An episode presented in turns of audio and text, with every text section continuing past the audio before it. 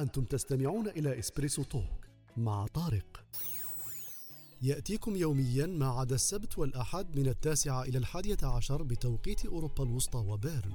تجدون فيها موسيقى، حوارات، أقوال، عبر وعبارات. استمتاع واستفادة يوميا.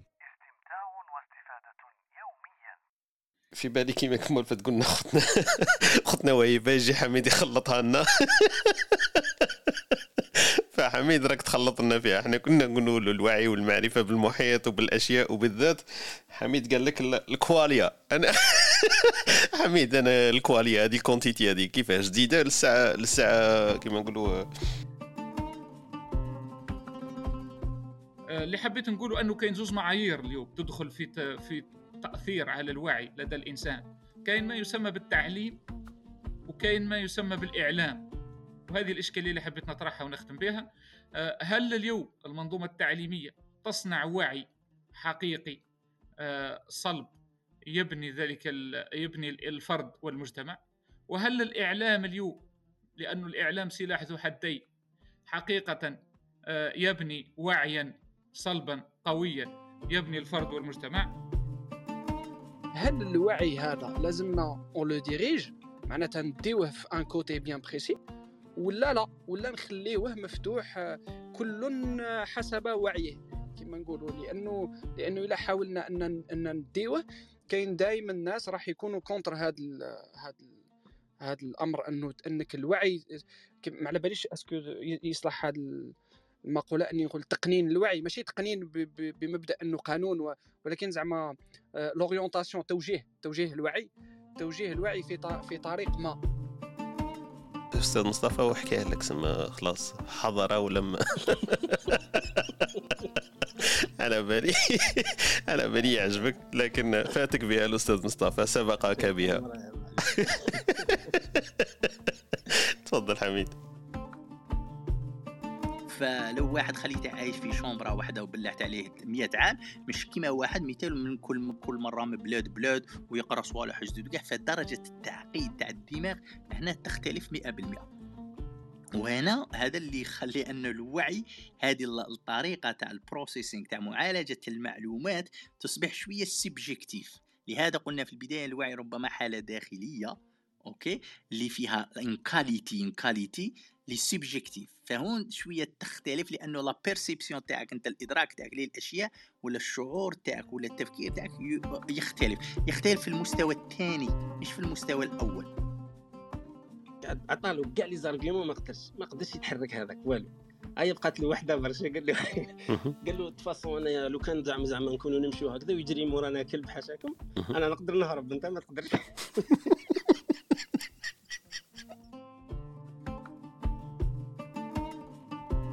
نقول له محمد وليدي لقيت لقيت لي الحل كيما نقول الموضوع هذا قال لي نعم بابا لقيت.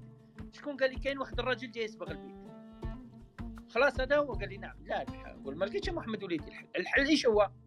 أنك تلقى الراجل شكون اللي يسبقه وتلقى السعر ومتى يبدأ ومتى ينهي التكلفة الأمور هذه. لما تخلص لي هذا كل مع بعضه قل لي خلصت الموضوع.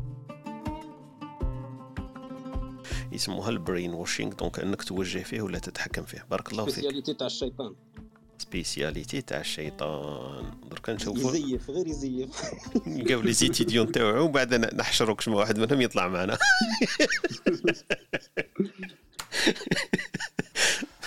spécialité تاع الشيطان مليحه حميد؟ بارك الله فيك. آه، لك آه، الروم- مولانا الرومي يقول لك. آه، يقول لك آه، بضاعة الشيطان. الذكاء. أما بضاعة آدم هي العشق. wow راح نفسمك حميد. direct.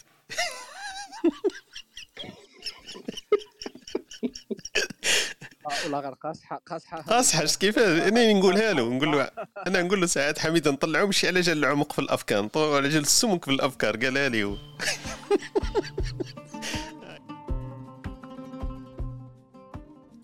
السلام عليكم ورحمة الله وبركاته. صباح الخير عليكم صباح الخير حميد. صباح الخير خويا راك تحسب شوية. وش راه حميد؟ لاباس الحمد لله. حوالاتك اخباراتك أنا جبت قهوتي راني قاعد آه أنا قلتها لك أحضر قهوتك وابقى معنا.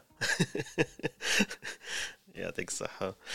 صباح الخير على الجماعة اللي راهم معنا في هذه الصباحية. إن شاء الله صباحية مباركة لكم كامل. رحبوا مع أختنا هاجر معنا أستاذ مصطفى معنا مصعب ورفح يمكن. دونك أهلا وسهلا بكم. موضوع الدردشة تاعنا تاع اليوم إن شاء الله يكون على الوعي. نحكي إن شاء الله في هذا المحور هذا نسيو كيفاش ننطلق في تعريفه ما هو الوعي؟ ما حاجتنا للوعي؟ وبعدين نحكيو في انواعه واصنافه وهل يمكن أن نقول أن الوعي يجب ضروري لحياتنا؟ donc نبدأو gentiment بعد إن شاء الله لما يلتحقوا بنا خوتنا اللي معنا في هذا الصباح. تكون معنا إن شاء الله أستاذة وهيبة في الكبسولة الثقافية تحكينا على أمثلة شعبية مستقاة من المجتمع ولا من الثقافة الجزائرية. ونحكي إن شاء الله في الكبسولة الفكرية ولا الأدبية مع الأستاذ محمد شريف عن مفكر أو أديب أو عالم جزائري. ويلتحق بنا إن شاء الله ثانيك خونا خالد ندردش حول هذا المحور اللي خيرناه اليوم ليكون الوعي إن شاء الله في هذه الجمعة. آه، الوعي حميد أنت سير عندك من بعد واش تقول فيه؟ parce que déjà les significations اللي حوستهم أنا ب l'anglais وبالفرنسي آه، كل وحدة فيها بحر واقيل. هو لو كان عيطت الدكتور بالقاسم هذاك هو خدمته. آه ذاك c'est vrai بالك يطلع معنا. parce que مور ساعات يحضر معنا في الصباحيات يمكن كي يطلع معنا كما قلت ال neuroscience عندها ما تقول ما تقول في حكاية الوعي. الوعي بالفرنسويه كيف يسموها la conscience حميد؟ آه. la conscience. المشكلة ثاني كاين اسمها إحنا عندنا حاجة زيادة اسمها الضمير. آه الضمير صح. الضمير أنا هي هي؟ شايف ما عندهاش ترجمة كبيرة. الضمير صح. شايف شغل هي هي تلصق فيها. صح. الضمير أنا هذه ما ما درتهاش. الضمير اللي حوست أنا بالفرنسويه ب l'anglais déjà ب l'anglais عندك ما تحوس. يسموها self-awareness donc كيف يسموها؟ l'auto l'auto-conscience عرفت كي من هكا بالفرنسي وكاين le sens ومن بعد كاين la sensibilité وكاين la perception la perception ومن بعد كاينة واحدة يسموها ال subjectivity donc la subjectivité ثاني يعبروا عليها بالوعي بصح خلوط حميد هذوك قاعدين كل وحده تحكي على الوعي مانيش عارف أنا كيف نديروا لهم شكشوكه شكشوكه إيه أنا كل وحده قلت لك فيها كتاب واحد تقول له self-conscious self-awareness ولا هذيك conscious déjà تجيب فيها ربع مجلدات وما تخلصهاش. المعرفة الذاتية يسموها ولا كيف يقولوا بالعربية؟ أو قلت لك عيط عيط نعيط الدكتور بالقاسم نديروا له ping درك بالك يطلع معنا دكتور بالقاسم آه، في هذه الصباحية يحكي لنا على على الوعي ويحكي لنا في ال neuroscience نشوفوا كيفاش التعريفات تاعهم هذو كاع ميليح ميليح آه، نرحبوا بخونا طلع معنا ثانيك خونا نصر الدين أهلا وسهلا بك آه، ملاك ثاني معنا في هذه الصباحية. نستناو برك يلتحق بنا الخوة الآخرين وننطلق إن شاء الله في الدردشة الصباحية تاعنا حول محور الوعي. آه، وإن شاء الله نستفيدوا آه، من المداخلات تاع خاوتنا إن شاء الله. voilà voilà نديروا برك الفاصل هذا ونواصل إن شاء الله.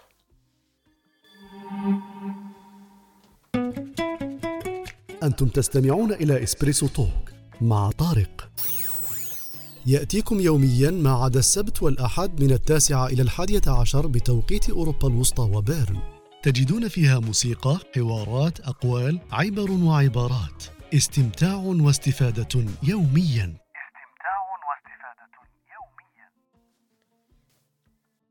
السلام عليكم ورحمة الله وبركاته. مجددا استماع واستفادة يوميا. صباح الخير خونا خالد التحق بنا.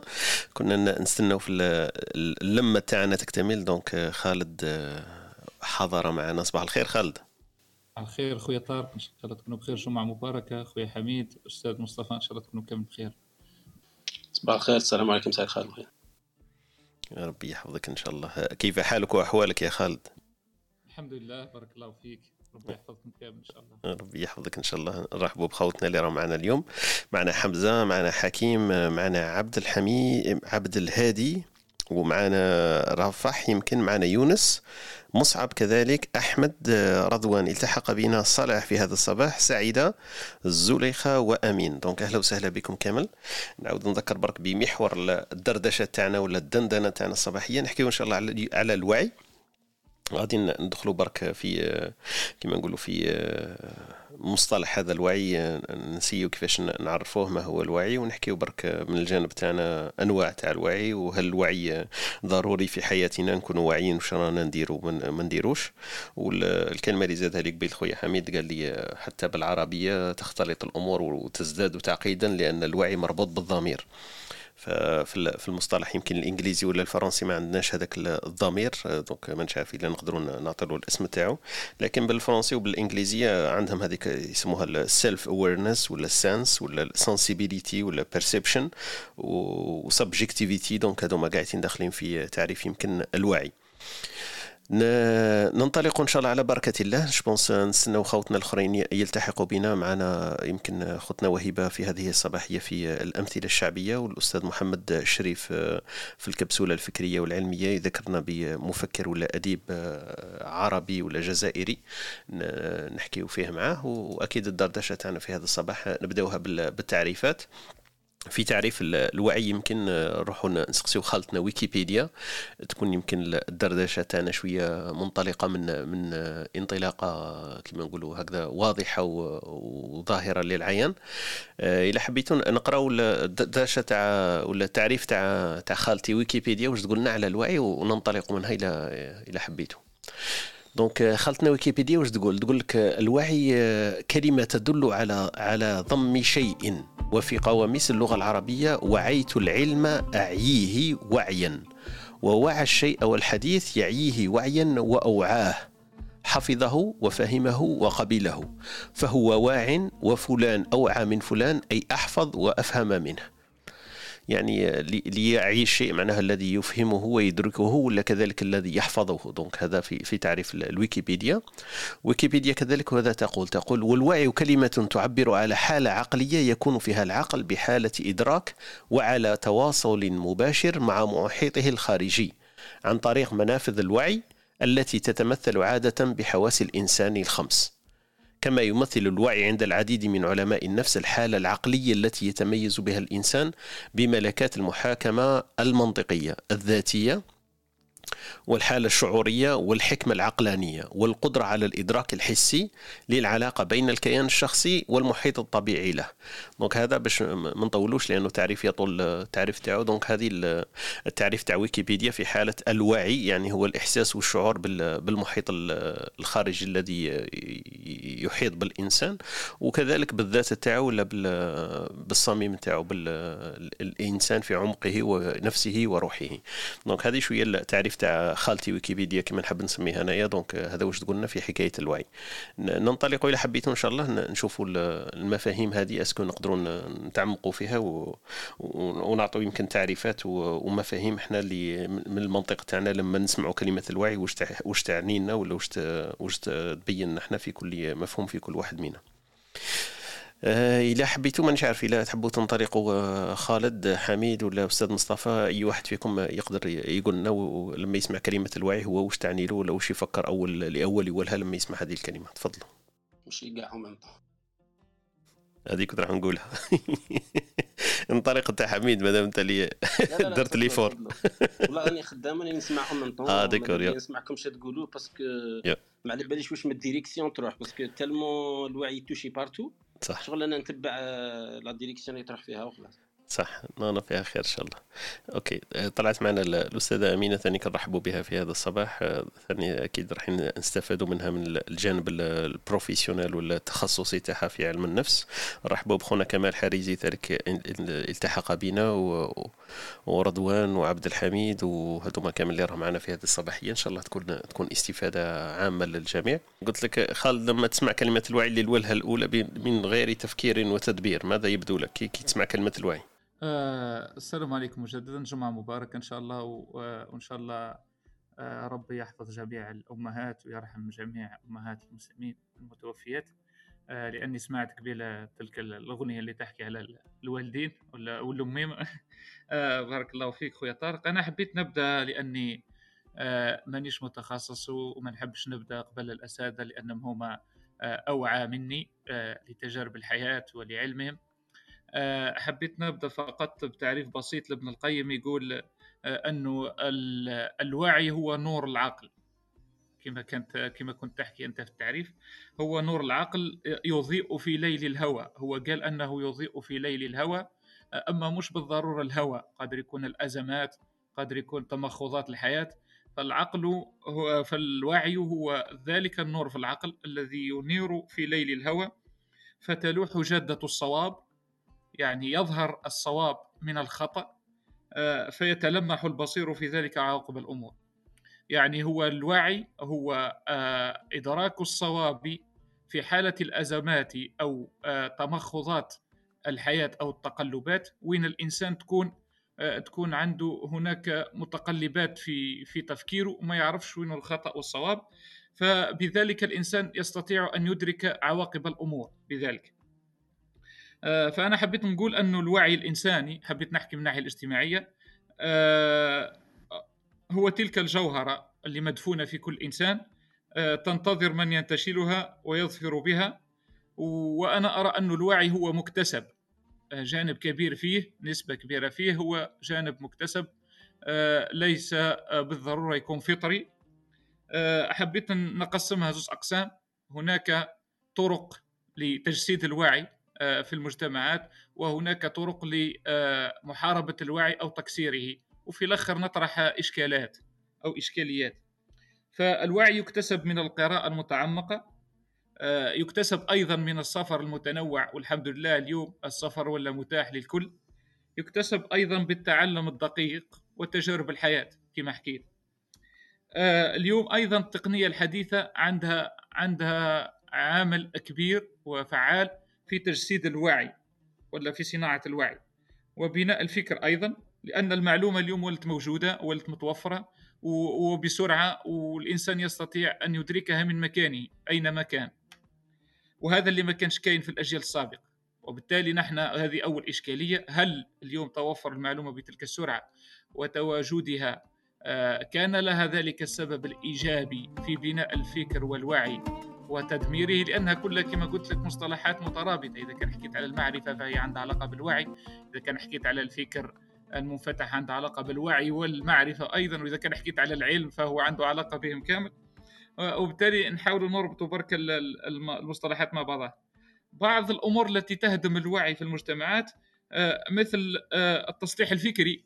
آه، نشر ذلك التصليح الفكري. البلاهة الاجتماعية وذاك التضييق الاجتماعي اللي يخلي الإنسان ما يسعاش نحو الوعي وإنما يسعى فقط كما تشوفوا في المجتمعات نتاعنا آه، في بداية الجوال كثير من الدول العربية منعت الجوال في الدول تاعها بحكم أنهم يحسوا بتلك الخطورة وذلك الخطر تاع الانفتاح التكنولوجي والفكري وبالتالي خلى ذلك يخلق فجوة كبيرة في, في الانفتاح على العالم. آه، فالشيء اللي حبيت نستدل به آه، في التصليح الفكري في قول الله عز وجل في مقولة فرعون ذروني أقتل موسى وليدعو ربه إني أخاف أن يبدل دينكم أو أن يظهر في أو أن يظهر في الأرض الفساد.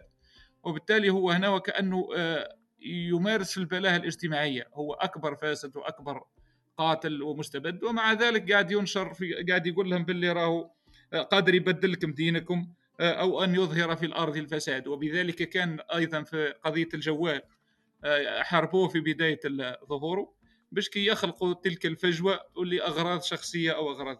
وبالتالي الشيء اللي حبيت نقوله أنا آه، آه، نهضة الوعي الإنساني في المجتمعات اليوم هو اكتشاف لذات الإنسان الحقيقية.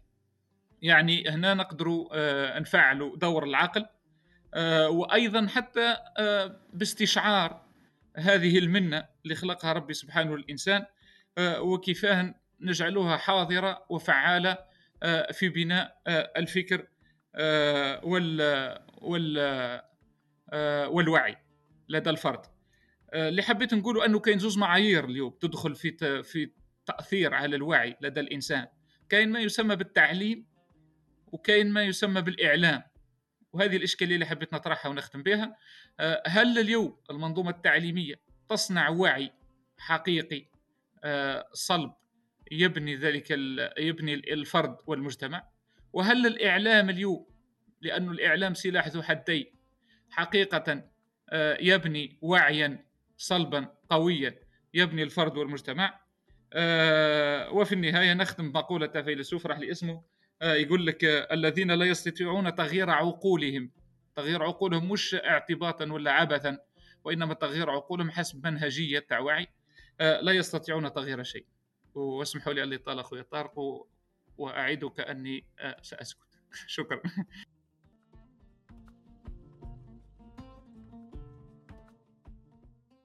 يا خالد تطرقت إلى كلمة ممنوعة عليك. دوك نبدا نجرد لك أنت في المخالفات. هذه أول مخالفة لك. آه، بارك الله فيك خويا خالد يعطيك الصحة. كما نقولوا تطرقت إلى جوانب عديدة حكيت لنا على على جوهر في عمق الإنسان هو الوعي آه، في في تفكيرك ولتعريفك. وحكيت لنا على أنه مكتسب وكاين طرق لتجسيده وطرق لمحاربته وتطرقت لها بالتفاصيل. وحكيت لنا على أنه هو سبب اكتشاف الإنسان والتعليم والإعلام سببان في في نشر الوعي ولا في ولا في كما نقولوا محي ولا تنقيص هذا الوعي الوعي. آه، آه، فكرتني بالتفكير ولا بالتعريف الفلسفي يمكن هذا للوعي هيجل هيجل يقول لك إن الإنسان هو الكائن الوحيد الذي يمكن ولا يعي وجود نفسه. دونك هذه لما رحت لي أنت قلت لي الجوهرة هذيك. فأكيد في التعريف الفلسفي ومعنا الأستاذة أمينة أكيد من بعد راح تطلع معنا تزيد كما نقولوا تنورنا بهذه المعلومات في علم النفس. هيجل تطرق إلى هذا النقطة وقال لك أن الإنسان هو الكائن الوحيد الذي يعي وجود نفسه. معناها لو كنت تشوف أي مخلوق في على على وجه الكرة الأرضية ما مش عارف وجود نفسه. الإنسان هو الكائن الوحيد الذي يعي وجود نفسه. فمن هذاك النقطة هذيك تاع تعريف الجوهر أنت يمكن اللي طرقت لها. آه، تعريف صحيح صح يمكن نطبقه على الإنسان بوعيه بوجود نفسه. الكلمة الثانية اللي أثارت الانتباه تاعي في في حكاية في في تعريفك ولا في مفهومك للوعي أنه يناقضه يمكن في تعريف الأشياء بمضادتها أنه البلاهة. آه، مصطلح البلاهة هذا يمكن يكون أدق ولا آه، مفهوم صحيح لنقيض نقيض الوعي. لما تنتشر البلاهة يمكن آه، نقدر نقولوا على الدنيا سلام ولا على الوعي سلام. دونك هذا هذا في في المصطلحات اللي حكيتها انت شكرا للتعريف والمداخلة تاعك. نفوتوا يمكن أستاذ مصطفى يحكي لنا في مصطلح الوعي. لما يسمع هو كلمة الوعي كما قلت لك بدون مقدمات وتخصصات إحنا ما راناش قاعدين متخصصين. دونك رانا نحكيو برك في المجال تاعنا الشخصي. ونشارك ولا نفكر بصوت عال كما نحب نقول أنا. نفكر بصوت عال في مصطلحات ولا في مفاهيم هكذا كما نقولوا تمسنا في حياتنا اليومية وتجاربنا الخاصة والشخصية. أستاذ مصطفى قلت تسمع كلمة الوعي وش يبان لك بينها وبين الضمير وبين البلاهة وما هي ما هي تعريفاتك؟ شكرا لك أخي طارق. أنا أنا دخلت على الموضوع الوعي. وبعدين اخونا عبد الحميد جاب لنا الضمير واخونا خالد دخلنا في موضوع واحد آخر ما شاء الله عليه اخونا خالد ما ترك لنا شيء. خلاص غلق أنا قاع الابواب الله يحفظك يا خالد شوف أخي طارق كما ما قلت والله إحنا رانا نتكلم واحد ما عندوش ما علم بالمجال هذا ولكن واحد يتكلم خلال خبراته. أعتقد أن الوعي الوعي آه هو الفهم والمعرفة بموضوع أو واقع معين. بكل قلت الفهم والمعرفة. أنا دائما كل روم أتكلم على موضوع الفهم الفهم شيء والعلم شيء. والكلام هذيك العبارة اللي تقول أعطيه لي فهم لها نقرأ الفهم والمعرفة بموضوع أو واقع معين بكل إيجابياته. الموضوع معين أو واقع معين مشكلة معينة قضية معينة المعرفة بكل إيجابياته. وطريقة التعامل مع هذه الإيجابيات وسلبيات هذا الموضوع وإيجاد الحلول لها اللازمة. ويكون هذا الوعي بسبب أفكار الشخص المتطابقة مع الواقع. الشخص عنده فهم للواقع آه والإلمام بدراسة كل الجوانب. ما عنديش أنا فهم موضوع معين فهم الموضوع مثلا على سبيل المثال أعطيكم مثال أنا. آه لما نقول أبنائي أنا في في البيت مثلا لما نكلف ابني بأمر معين على سبيل المثال. ونقول له والله يا وليدي أنا نحب نسبق الدار هذه. مثال بسيط نقول له نسبق الدار هذه. يجي نقول له محمد وليدي لقيت لقيت لي الحل كيما نقول الموضوع هذا؟ قال لي نعم بابا لقيت. شكون قال لي؟ كاين واحد الراجل جاي يسبغ البيت. خلاص هذا هو قال لي نعم. لا الحل نقول ما لقيتش محمد وليدي الحل. الحل إيش هو؟ أنك تلقى الراجل شكون اللي يسبغه وتلقى السعر ومتى يبدأ ومتى ينهي.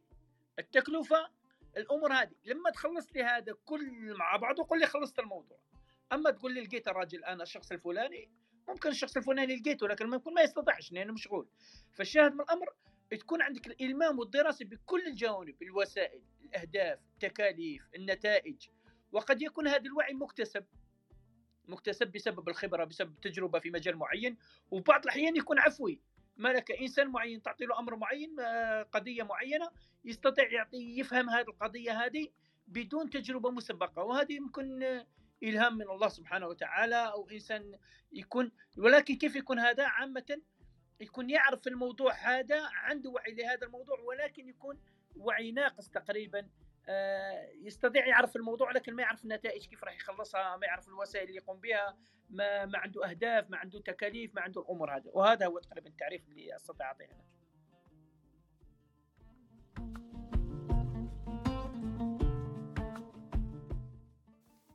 بارك الله فيك أستاذ مصطفى على التعريف هذا لمفهوم الوعي. من وجهه نظرك رحت لنا الأمور صح أنه تعريف الوعي يمكن في وجهة أستاذ مصطفى أنه الإلمام الكلي أو الجزئي بأمور و بأمور تحيط بالإنسان ومواضيع تحيط بالإنسان. وهو قالها يمكن كلمه قال لك المعرفة بالشيء يمكن هو الوعي به. بارك الله فيك أستاذ مصطفى. نرحبوا بالخوال اللي التحقوا منا في هذه الصباحية للدردشة ولا الدندنه حول محور الوعي. آه، معنا أخونا كمال حريزي معنا أخونا مصعب معنا أخونا سليم أحمد حمزة أهلا وسهلا بكم رضوان آه،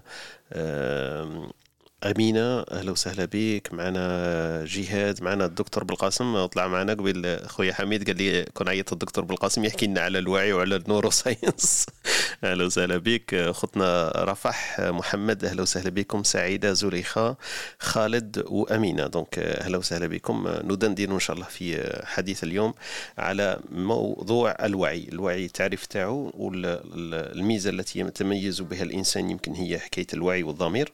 ونحكي إن شاء الله في إيجابيات ولا سلبيات الوعي وضرورة وجود الوعي في في يومنا هذا.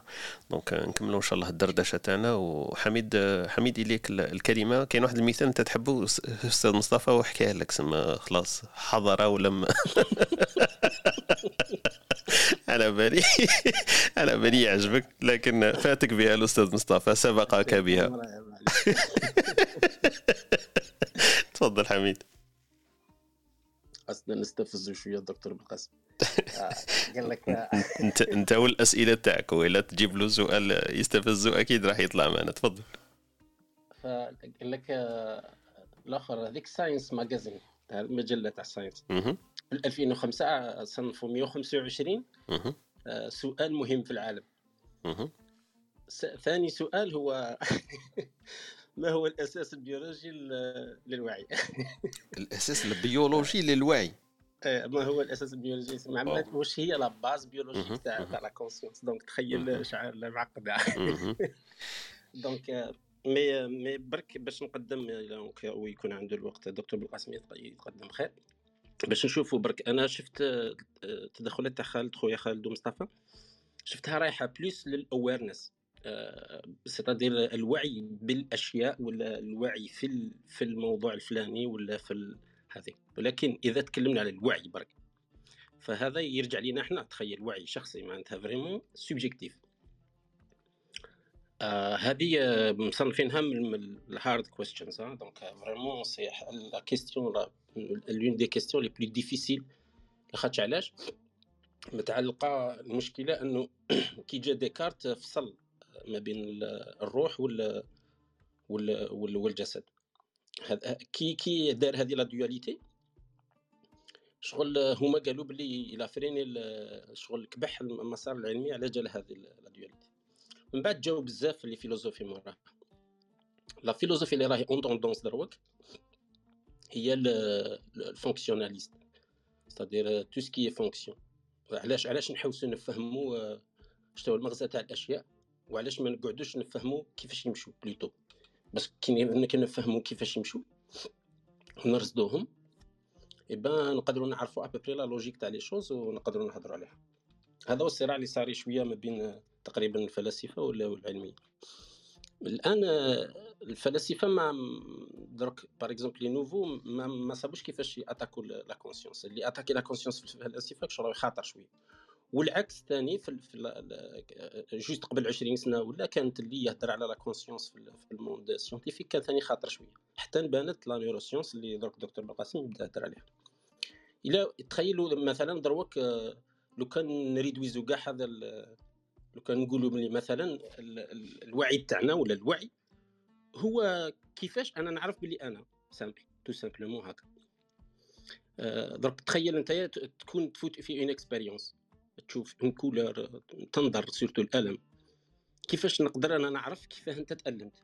نقدر نعرف كاع autour مثلا نقدر نعرف les signaux منين فاتو نقدر نعرف les réactions اللي كاينين في الدماغ منهم la neuroscience.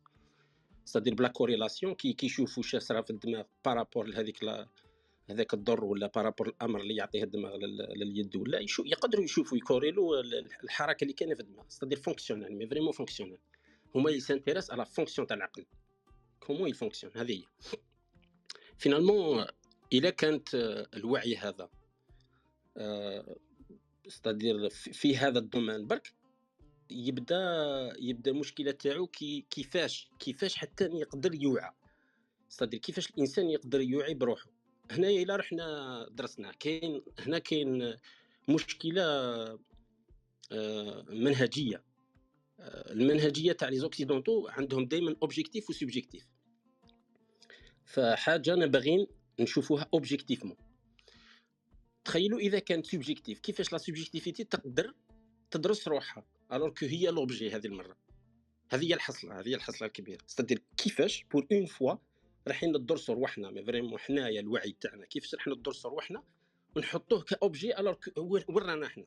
واش كونسيتي باش نقدروا كيفاش نقدروا نديروا هذيك la distance ما بيننا وما بين رواحنا هذه هي شوية الحصلة الفلسفية اللي كاين واحد من الاقتراحات تاع الفلاسفة قال لك نجزئوها. لو كان نقولوا مثلا آه لو كان نجزئوها نديروها شغل des unités كيما la des لو كان نديرو des unités هكا زعما شغل تخيلوا شغل شغل وحدات وعي. ومنها مثلا هي c'est c'est l'expérience c'est-à-dire la qualité تاع l'expérience subjective c'est-à-dire نتايا كيفاش حسيت بهذيك الحاجة؟ إلى إلى كانت هذه الوحدة هذه نقدروا نعرفوها؟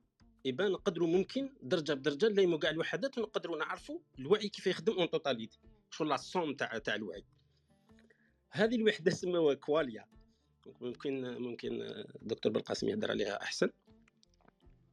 هذه ال qualia هي هي تقريبا اللي راهم يحكوا عليها دروك قالوا ريقلوا ال problème تاع qualia ومن بعدك ريقلوا ال problème تاع الذات اللي هي ال self. c'est-à-dire الوعي بالذات. parce que الوعي بالذات معقد بزاف.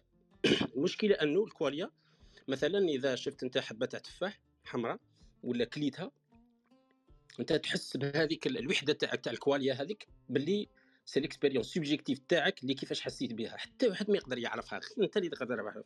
même ايماجينو باش تقدر تيماجيني الفلاسفة شا ايماجينو ايماجينو un zombie تاع روحك. تخيل زومبي تاع ال self هذا الزومبي شا يدير؟ شغل c'est copie تاع روحك. une copie exacte كاع التحركات ال physiques اللي كاينة فيه الداخل تصرى عنده هو. برك الإحساس هذاك ال subjectif ما راح يصرى عنده. هذه هي المشكلة. فتخيل أنت نجيبوا واحد super intelligent هكا extraterrestre يجي يفهم كاع يفهم كاع ال cellule ب cellule منين تفوت les réactions كلش كاع يشوفهم.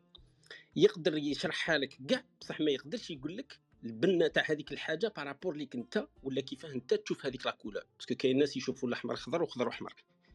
donc إلا كانت هذه subjective لهذه الدرجة كيفاش راح نقدروا نتغلبوا على هذا ال problème donc quelque part فلسفيا كاين ورطة c'est clair et net علميا آه، دائما la réponse تاع العلم bien sûr راح يقول لك أنايا يعني نقول لك ذروك la fonction تاع ال minimum بصح لو كان نتقدموا راح نقدروا ممكن نعرفوا. دروك ما عرفناش ماناش عارفين حاجة مي موراها نعرفوا toujours la réponse تاع العلم راح تكون كيما هكا parce que هو ماهوش ماهوش جاي العلم باش يقول لك وعلاش تصرى الأشياء؟ ويقول لك كيفاش تصرى؟ وخلاص c'est description تاع الأشياء هو جاي يعلمك كيفاش تصرى. بصح باش يحكي لك أنت كيف توعى بها وكل شيء يبداو les les les philosophes يهضروا من حيث أنه آه، وين وين يكملوا les scientifiques والله أعلم.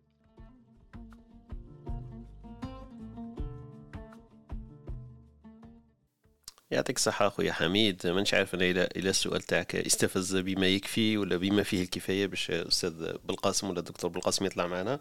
اللي عجبتني أنه أنت في الآخر صح راك بروفوكيتو قلت له العلم والفلسفة العلم يقدر يقول لك كيف الأمور تسير بصح ما يقولكش لماذا تسير بهذه الطريقة.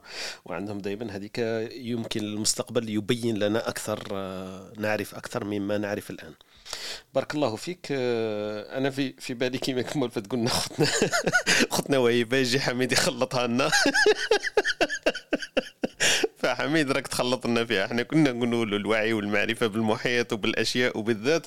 حميد قال لك ال- الكواليا. أنا حميد أنا الكواليا هذه الكونتيتي هذه. كيفاش؟ جديدة للساعه للساعة كيما نقولوا للساعة طرحوها في ال marché ولا كيفاه؟ واحد لا لا قديمه قديمة ماشي جديدة. قديمة.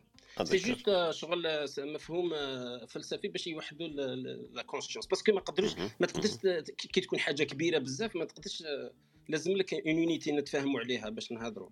صح. شغل quelque part لا هو التنظير تاعها كما قلت التجزئة تاعها صح تساعد الأمور. حتى الأمور المعقده حتى في حياتنا ال- اليومية كي تشوف أمور كبيرة بزاف تقدر تجزئها يسهل عليك كما نقولوا التطرق لها. لكن في حكاية كما قلنا الوعي والضمير وهذه الأمور شوية معقدة أصلا بما فيه الكفاية. حتى التجزئة تاعها راح تكون ثانيك معقدة والدليل رانا فيه كما كنا نحكيو قبيل. التفريز ولا التفصيل بين الوعي والضمير déjà أمر كبير. ما هو الضمير ما هو الوعي. واللي حكيت عليه انت كما قلت. الفلاسفه والعلماء آه، déjà عندهم تفاصيل. وتعاريف آه، ثانيك آه، معقدة بما فيه الكفاية. من هو أنا؟ الألم حكاية المنهجية هذه في في بحث الأنا. دونك أكيد تعاريف وتفاصيل صعيبة شوية باش يفهمها ال- الإنسان العادي. لكن هو يحسها ويشعر بها وأحسن مثال عجبني أنا اللي طرحته أنت إنه الإنسان لما يأكل حبة تفاح فهو نقدروا نشرحوا له كيفاه التفاحه ال- الفيتامينات البروتينات الجسم تاعو كيف يحللها يهضمها الأمور الميكانيكية الكيميائية الاستفادة وهذوك الأمور العضوية كامل نقدروا نشرحوهم له. لكن واحد ما يقدر يشرح له مثلا درجة الحموضة تاعها ولا الحلاوة تاعها اللي يشعر بها هو لأنه هو برك كيما نقولوا اللي يقدر يشرح لنا هذيك الدرجة. إحنا عندنا تعاريف كيميائية لكن مستحيل نقدروا نشرحوها له. هذيك تدخل في في, في الأمور تاع الإحساس تاعو هو كيفاه شعر بها. donc آه، هذه يمكن مثال شوية بسط لنا وفما تدخل في الوعي. donc هذه جانب من جوانب الوعي إنه هو ال- ال- النكهة تاعها لكن الوعي هذاك خاص به ومحصور في في ذاته هو. برك ما نقدروش نترونسميتيه لشخص واحد آخر ونقولوا له حامضة ولا حلوة ويكفي هذا.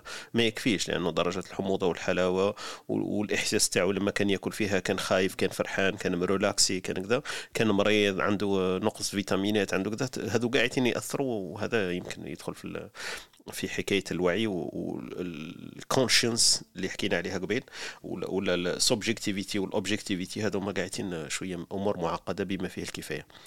نفوتوا يمكن آه نرحبوا بأختنا وهيبة. أهلا وسهلا بك صباح الخير أختي وهيبة. أهلا وسهلا صباح الخير. الحال؟ كيف حالك وأحوالك؟ الموضوع نسموه دقيق. عميق ولا سميك ولا؟ آه اليوم سمي كيما حبيتي. حميد déjà رانا طرقنا المثال هذاك اللي يعجبه بزاف وأستاذ مصطفى هو اللي طرق ليه. donc آه، حميد راه مقلق.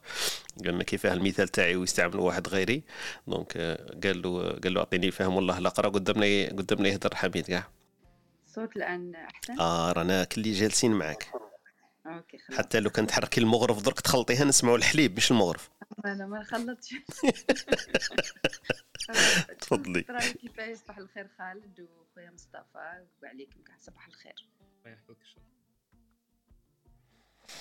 أهلا وسهلا بك. آه، خويا خالد آه، عند عندك ما, ما تضيف؟ تفضل. آه في البداية تاعي قبيله في المقدمة باش نقول باللي كاين. أنت لازم تجيب لنا سؤال يستفز الدكتور بالقاسم تاع الصح. donc آه، حميد حميد استفز النص زيد كمل له النص باش بالقاسم يرفع ال hand raising تاعو باش يطلع معنا. تفضل. إذا كان ما إذا كان متفقين كامل على ما قلت اعطيني فاهم ولا لا. قرأ كيفاش ال neuroscientist ال neuroscientist يقدر يفسرها. عصبية. هذه تدخل في السؤال 126 نزيدوه في ال 125 تاع Science Magazine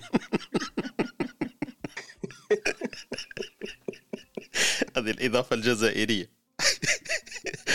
Algerian touch تفضل تفضل خويا خالد. مهم جدا اللي هو الجانب العلمي في في مجال الوعي اللي هو آه، ترونش كبيرة في في السوجي. آه، لأني ديما نحن ديما نطرح مواضيع. مثلا كما كما المرة اللي فاتت هضرنا على المعرفة واليوم الوعي وهما عندهم اتصال كبير ببعضهم. وديما ندرسوه من ناحية واحدة أما ديما لازم نقولوا وعي واحد وعي اثنين حتى الوعي 100 باش نلحقوا باش نلحقوا لو but نتاعنا. آه، الجانب هذا العلمي مهم جدا. كون يظل معنا سبيسياليست اليوم آه، صراحة راح آه، راح راح يقيسوا لأن قسناه شوية في الجانب الاجتماعي كيفاش يتحارب الوعي كيفاش كيفاش يعزز الوعي من خلال كيفاش أيضا تدرس من الجانب الكمي الوعي كيفاش تدرس الخبرات كيفاش يدرس التعلم الدقيق كيفاش يدرس التعلم آه، بالطرق العلمية آه، والطرق الصحيحة إلى تسريع حالة الوعي مثلا لدى الفرد ولدى معرفة الذات ثم المجتمع. آه، هذه أسئلة كل إشكاليات. يكون يظل عند معنا مختص كما قلت الأستاذ بالقاسم ممكن يعطينا لمسة مليحة. بارك الله فيك. يعطيك الصحة أخويا خالد بارك الله فيك. صح كما قلت زلت عن سؤالي كيفاش الفاهم إيه طرح لنا سؤال بطريقة واحدة أخرى تفضل. ويكون أوعى لا لا قاري قاري هذاك خلاص. ياك بدلناه بدلته وبدلته هذاك خلاص. درت له ميزاجور دار له ميزاجور قال لك اعطيني أعطيني قاري ويكون فاهم. ولا كيف قلت له حميد؟ لا لا. لا عاودها اعطيني أعطيني فاهم لا لا بغى قرا ماشي لا لا قرا كاع قرا كاع قرا والمشكلة راهي راهي حميد هذه ما بعثتهاش الويكيبيديا ولا ما قبلولكش التحديث هذاك. نام في بالي. شوف أخويا ما قبلوش. لازم اسمع لازم لازم يكونوا خمسة موافقين عليه باش يفوت. أنا وخالد رانا زوج. زيد تشوف ثلاثة واحد آخرين. أعطيني قاري لا بغى اقرا أعطيني فهم لا بغى اقرا اكزاكت أعطيني فهم لا بغى اقرا بارك الله فيك يعطيك الصحة خويا خالد. كما قلت صح مفاهيم شوية عميقة وإلا قلنا شوية كما قلت تخصص إحنا رانا. تفضل حميد تفضل. بالعلمي هذا علاش؟ تفضل يوم دوك دوك المشكلة مثلا مثلا كي اكتشفوا باللي آه، آه، مثلا الأرض آه، القمر يدور على الأرض وكل شيء ولا ولا الشمس système solaire ولا ما معنتهاش باللي درك رانا نقولوا رانا نهضروا بهذيك اللغة العلمية.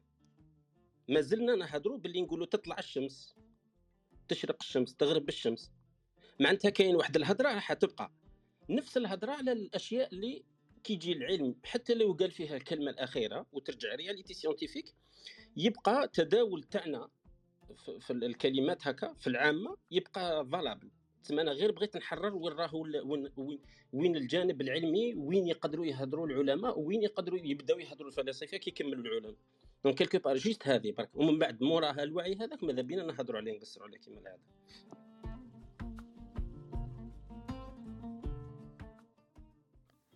أما لك عطيتها لي أنت وحدك وحدك قلتها لي أنا أنا نروح لك ليها directement خلوا العلماء يهضرون بعد نرجعوا للفلاسفة. عندنا العلماء وعندنا الفلاسفة في زوج الصباح.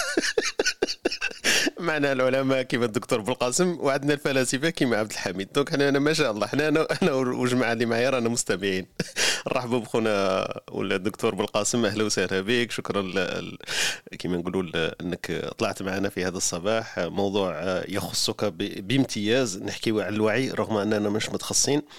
لكن حبينا نطرحوا هذيك الإشكالية ولا تعريف المصطلح. إحنا أكيد عايشينه لكن تفسير وتوضيح تاعو يصعب علينا بغياب المعلومات اللي عندك أنت ما شاء الله عليك.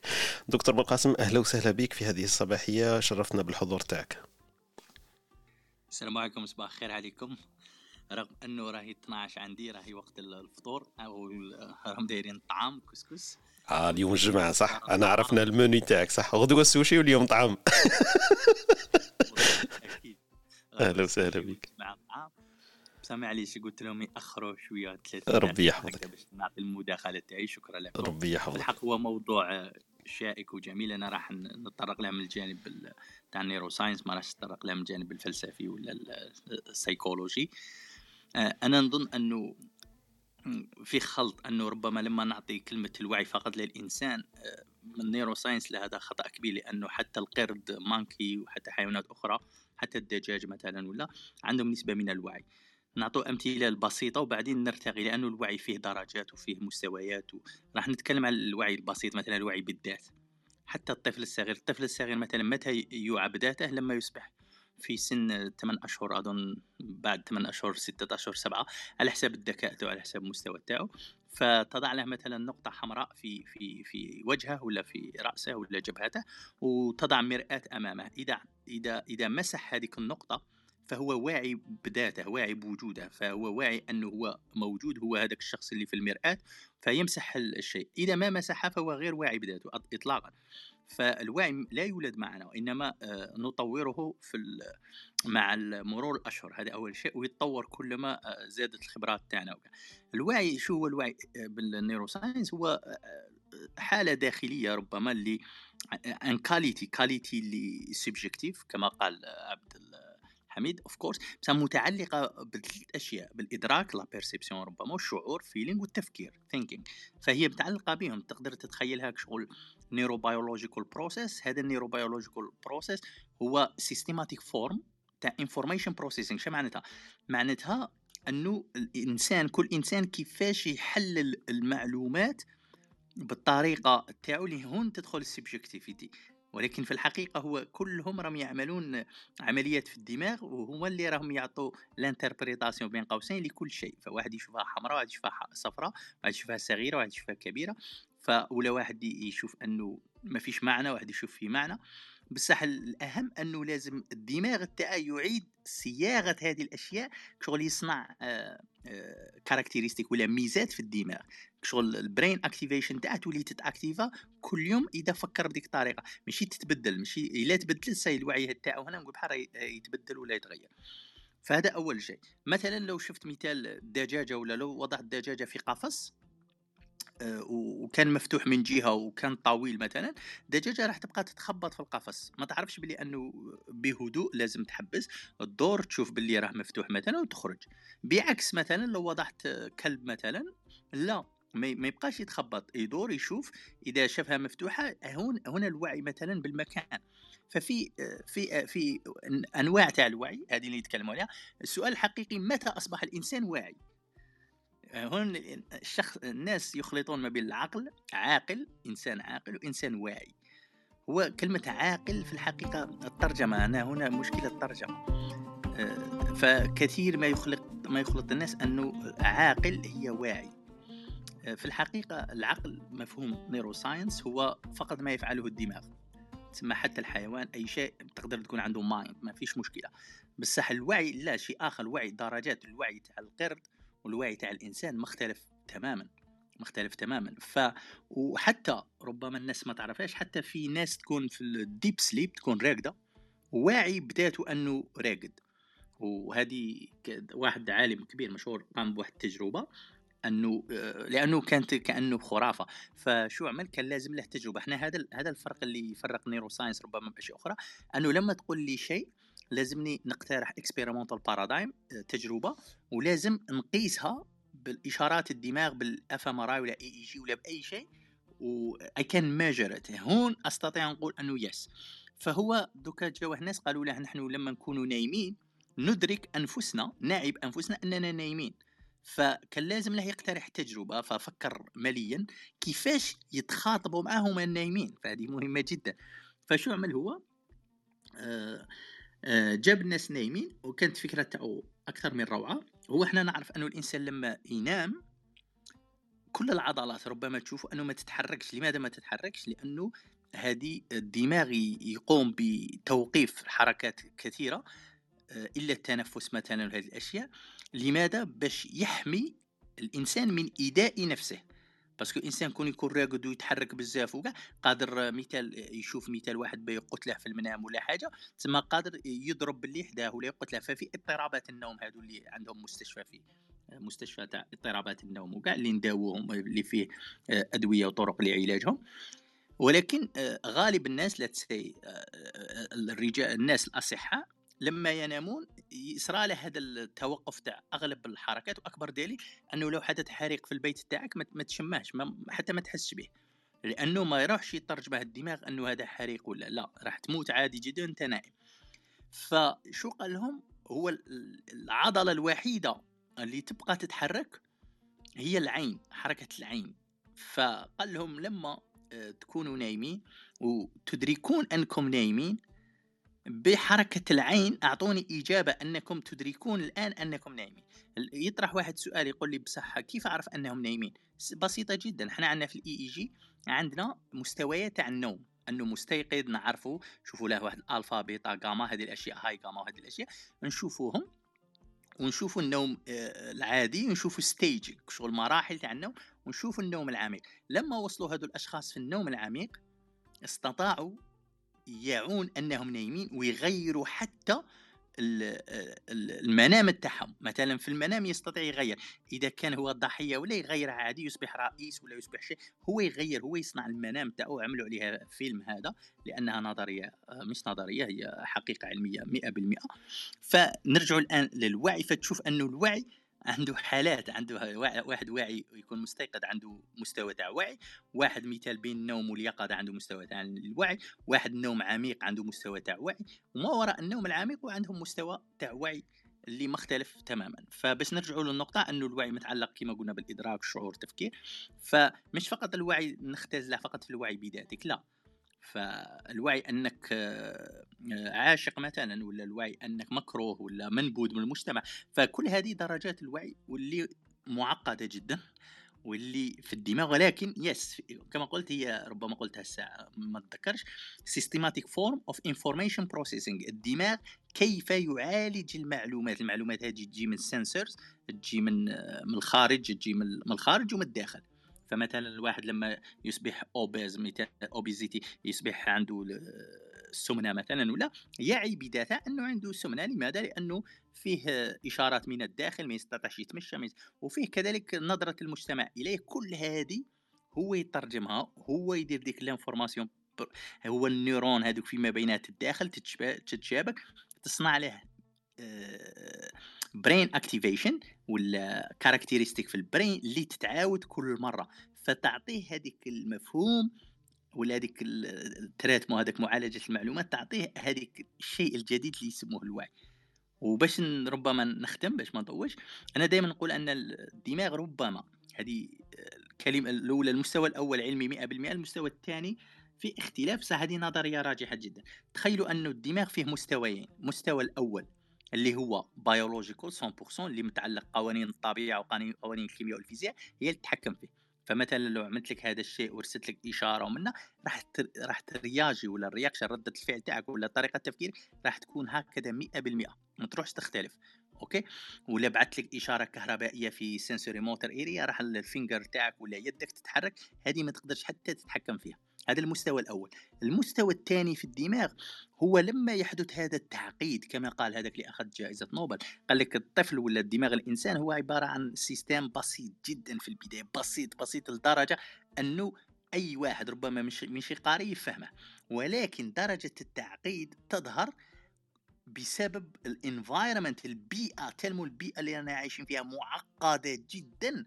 يصبح الدماغ تاع الإنسان كل مرة يزيد يتعقد.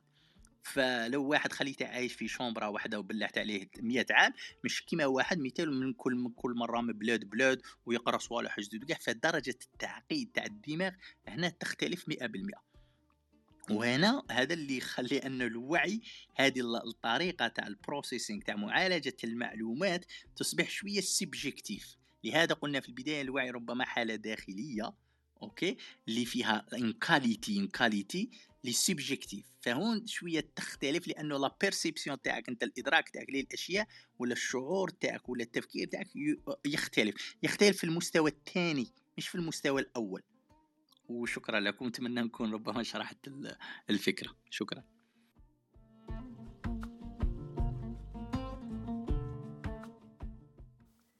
بارك الله فيك دكتور. بالقاسم كما يقولوا صح حطيت لنا النقاط على الحروف تاع الصح. من الجانب العلمي ما شاء الله ان شاء الله يكونوا الإخوة ثانيك استفادوا معنا. لكن السؤال اللي طرحته أنت مازال يمكن مازال مطروح ولا مفتوح؟ يمكن في حتى في الجانب العلمي متى أصبح الإنسان واعي؟ هذا سؤال مازال مطروح دكتور بالقاسم أكيد أكيد. لأنه هل حقا الوعي كان تدريجيا في الإنسان؟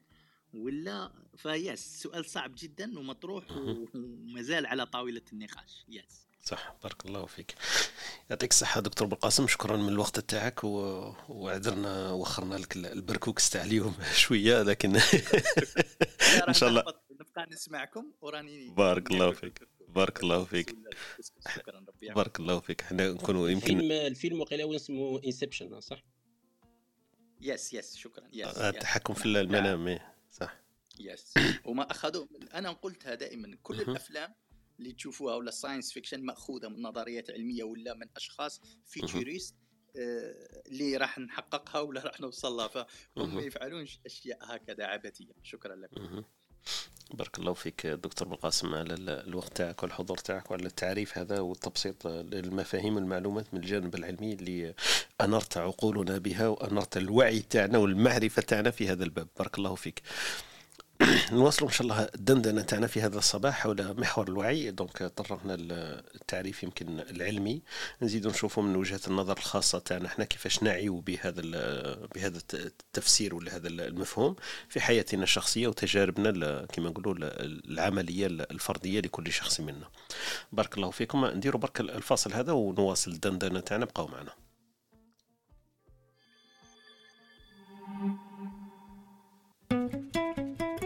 أنتم تستمعون إلى إسبريسو توك مع طارق. يأتيكم يوميا ما عدا السبت والأحد من التاسعة إلى الحادية عشر بتوقيت أوروبا الوسطى وبيرن. تجدون فيها موسيقى، حوارات، أقوال، عبر وعبارات. استمتاع واستفادة يوميا. استماع واستفادة يوميا. إن شاء الله تكون استفادة لخوتنا اللي راهم يستمعوا فينا في هذه الصباحية. نحكي ولا ندندن حول محور الوعي. رحبوا بخوتنا اللي التحقوا بنا واهلا وسهلا بكم. نفوتوا يمكن الخونا خالد ولا ولا حميد ولا اختنا وهبة. أي واحد فيكم يحب يتدخل أهلا وسهلا. يمكن اختنا وهبة ما حكيتش تفضلي أختي وهبة. يعني الوعي أنا يمكن نتكلم على الوعي نشوف نربطه دائما بالإدراك. مش عارفة علاش يعني من وجهة نظري ما عنديش تعريف فلسفي ولا حاجة لكن أنا أقرب تعريف ممكن نقول أن الوعي هو تلك الحالة التي يكون فيها الشخص بحالة من الإدراك والعقلانية الكاملة. يعني الإنسان كي يكون مدرك سواء بحالته النفسية سواء وعي ذاتي ولا وعي اجتماعي مدرك بالحالة أو الوضعية اللي راهو فيها. الإدراك والعقلانية الكاملة التي يكون من خلال إنسان حكيم وعاقل وقادر على التواصل مع المجتمع الخارج بكل حكمة وقدرة. أنا نشوفها دائما بالنسبة لي نربطها دائما بالإدراك. مش عارفة إذا توافقوني الرأي ولا لا ولا فيها رؤية فلسفية أكثر يعني. بما أن استمعنا لرأي الأستاذ عبد الحميد كان شرحه يعني جميل جدا وده الموضوع من كل الجوانب لكن أنا بالنسبة لي نركز كثيرا على الوعي الذاتي ولا الوعي والإدراك يعني بما بما حول الإنسان يعني إدراك الوعي في الاجتماعي يعني ممكن فقط. شكرا. بارك الله فيك أختي وهبة يعطيك الصحة. أهلين أخويا طارق نظن أن الإخوة كما تطرقت أنا في البداية حبيت نركز ديما كما قالت الأخت وهبة على الجانب الاجتماعي. وكيف أن الوعي هذا يرسخ عن طريق مجموعة من الأمور كما كان يحكي الأستاذ بالقاسم بارك الله فيه على المداخلة أنا صراحة نحب كثير الجنب التقني. أما في قضية الفلاسفة فهم اختلفوا فلاسفة في قضية في قضية الوعي. هناك من ربط ربطه بجودة الأفكار وتسلسلها لدى الإنسان وهذا اللي نحكي عليها أنا قضية التعليم. آه، جودة التعليم في تحقيق الوعي لدى الذات. وهناك من ربطه أيضا بال ما يسمى بالوعي التلقائي هذا اللي جاب به جون لوك هذا الإنجليزي. آه، أما أنا حبيت نركز على جانب آخر آه، اللي هو جانب الإعلام اليوم والتقنية الحديثة التكنولوجي في في ترسيخ الوعي أو هدمه أو تفكيكه أيضا. فاليوم التقنية الحديثة جعلت المعلومات متوفرة بسرعة كبيرة. باختلافها اختلاف مجالاتها آه، ولا يمكن التحكم فيها ولا يمكن تأطيرها.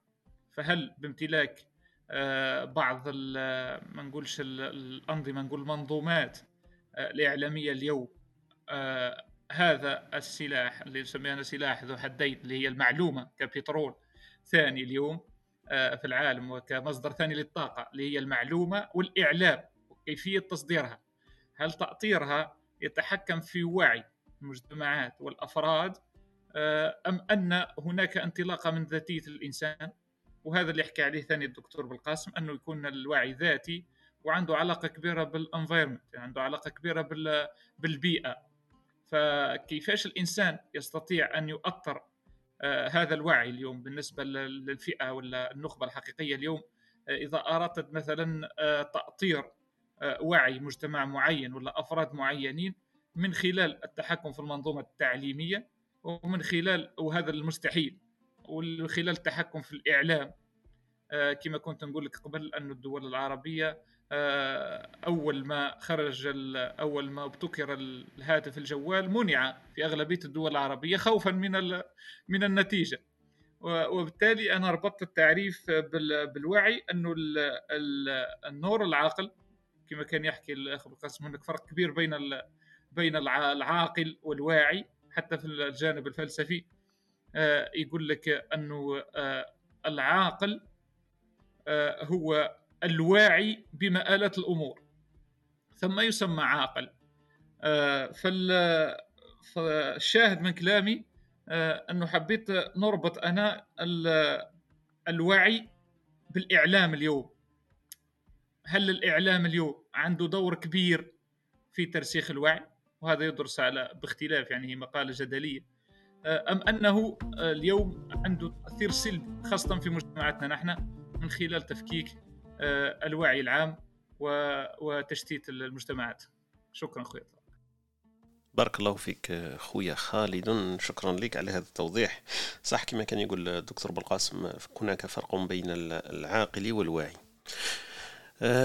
نفوت يمكن حميد. نعم تفضل. لا كيستيون تاع تاع خالد مرتبطة بال نشوفها أنا مرتبطة بالوعي ولا manipulation إلى تخيل أنت مثلا آه، فهمنا كيفاش الوعي يدور في كل إنسان. ومن بعد رجعتك شغل لي quelque part حاجة standard وتخيل حنا نقدروا ن manipul و هذيك الحاجة standard باش نقدروا نبدلوا الوعي تاعو. زعما راح تروح البشرية. فالآن ال good news دروك c'est الوعي هذاك vraiment subjectif. هذه الحاجة مليحة شغل شغل c'est sécurité تاع sécurité mentale لينا quelque part فاهم؟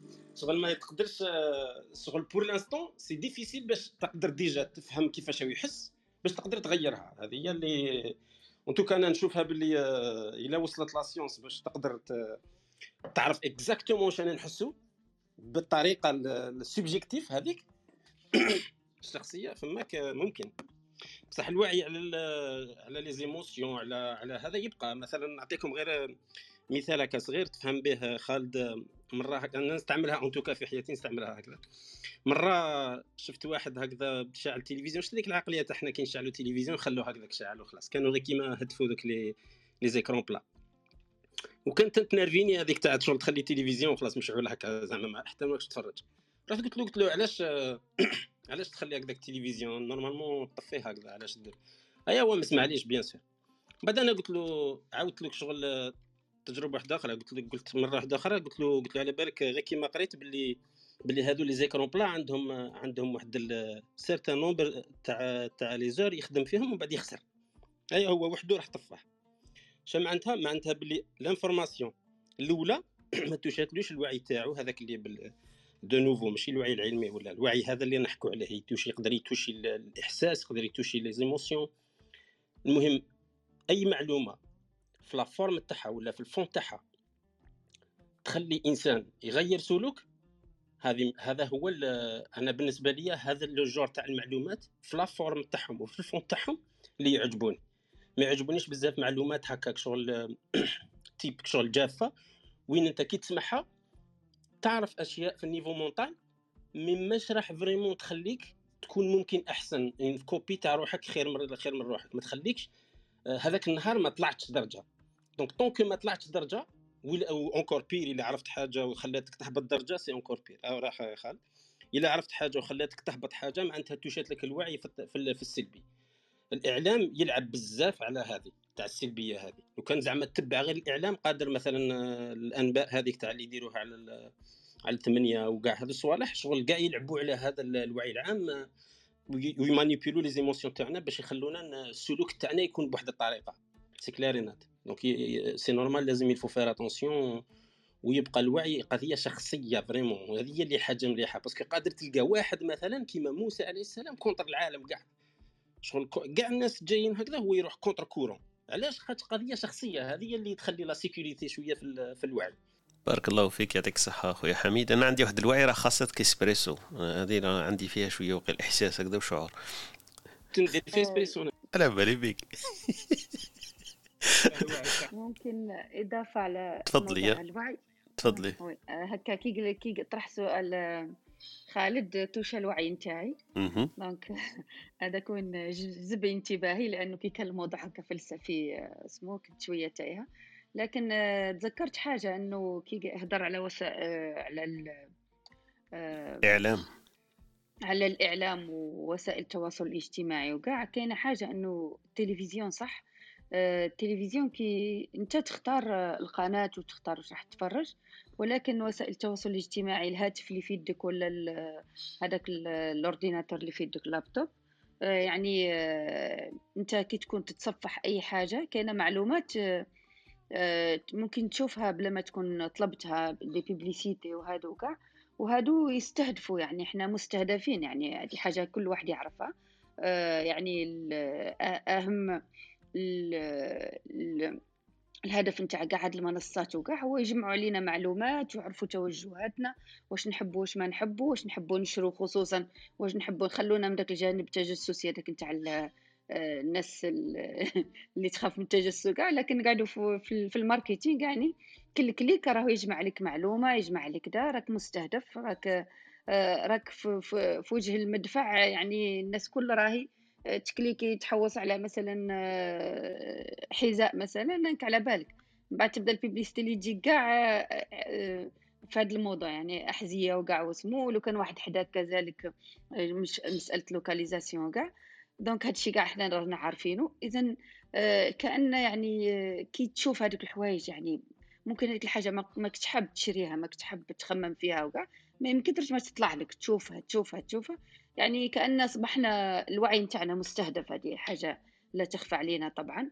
وأنا حبيت نطرق فقط الموضوع هو موضوع المسلسلات والسينما. يعني أنا لاحظت لاحظت حاجة أنه آه، أكثر آه، كما نقولوا آه، مكان ممكن يستهدف الناس اللي حابة تشري ولا لي كليون لهاد لكن خليني نقول لك ليا آه، هو في السينما والمسلسلات وأنا شفتها مثلا في السينما التركية. معناها ملي يبدأ أي مسلسل ناجح ولا أي فيلم آه، أول حاجة هي هذاك اللباس نتاع هذوك الممثلين والكاع واش يحتاجوه يجيهم من الشركات نتاع الملابس. هذيك الشركات نتاع الملابس طبعا تحاول إنها تلبس طبعا الأبطال والبطلات ما يخفاش علينا هي نوع من publicité ونوع من ال marketing الناجح. إنه الناس واش تشوف هذوك النجوم المشهورين يلبسوه آه، كاع الشباب وكاع الناس راح تتبع تلبس كيما هما. ولكن أنا الحاجة اللي غاضتني هي كيفاش يستعملوا المرأة. كيفاش يستعملوا المرأة يعني في هاد في هاد المسلسلات وهاد الأفلام وهاد السينما هاد الصناعة صناعة السينما. معناها مثلا تلقى فيلم الشتاء وكم على بالكم كيفاش يعني تركيا من البلدان الباردة خصوصا في الشتاء. آه المرأة الراجل تلقاه لابس costume على معاه manteau avec un châle وكو في الرقبة نتاعو كاع ولابس les gants. وهذيك ال... والبطلة اللي معاه واش تلبس؟ تلبس لك آه شورت. ويعني لباس آه ما, فهمتش أنا يعني علاش علاش يعني هاد هاد التوجيه بهاد بهاد الطريقة؟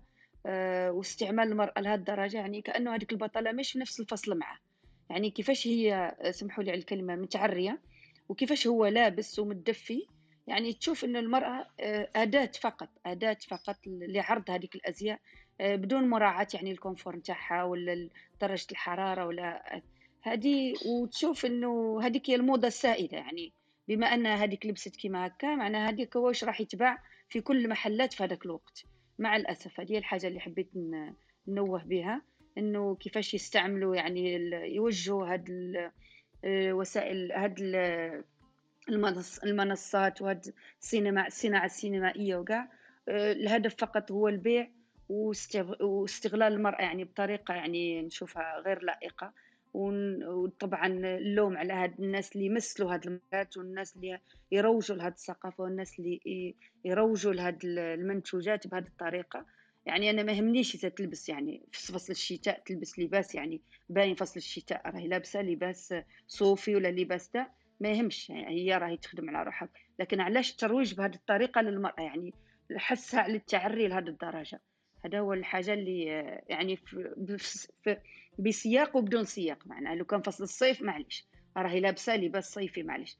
ولكن علاش الإصرار على التعري هكا؟ حتى إنه هي مش مرتاحة ولكن رغم ذلك تمثل هذيك الماركة وراهي تلبس هذوك الملابس وتروج لها.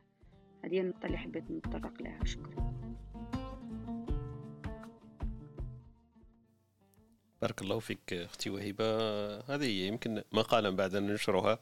اختلاف الفصول بين بين ال بين الإناث والذكور. إيه، ما نعرف يمكن عندهم فصل وحنا عندنا فصل ما تعرفي. بارك الله فيك. لا عجبتني النقطة تاعك تاع صح إنه إن الشركات هذه ولات تستهدف الوعي تاعنا والضمير تاعنا أكثر من تستهدف المعلومة ونشر المعلومة. وكانت كاين يمكن هذو ال news هذو اللي كانوا ظاهرين في حكاية كامبريدج اناليتيكا والأمور هذه إنه الناس كانوا يحوسوا على الوعي الباطن تاع الإنسان ماشي المعلومة في ذاتها. يبانوا لك des annonces يبانوا لك معلومات وكلش بس هما هما حابين يفهموا كيفاش الوعي تاع الإنسان يمشي وباش يسيروا ويقدروا يتحكموا فيه. والمثال اللي طرحوا لنا خونا حميد قبيل وقاعدين donc أكبر دليل على هذه المفاهيم.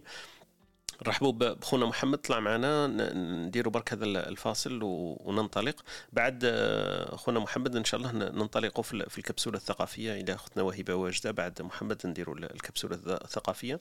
بقاو معنا فاصل هذا بسيط ونواصل مع خونا محمد.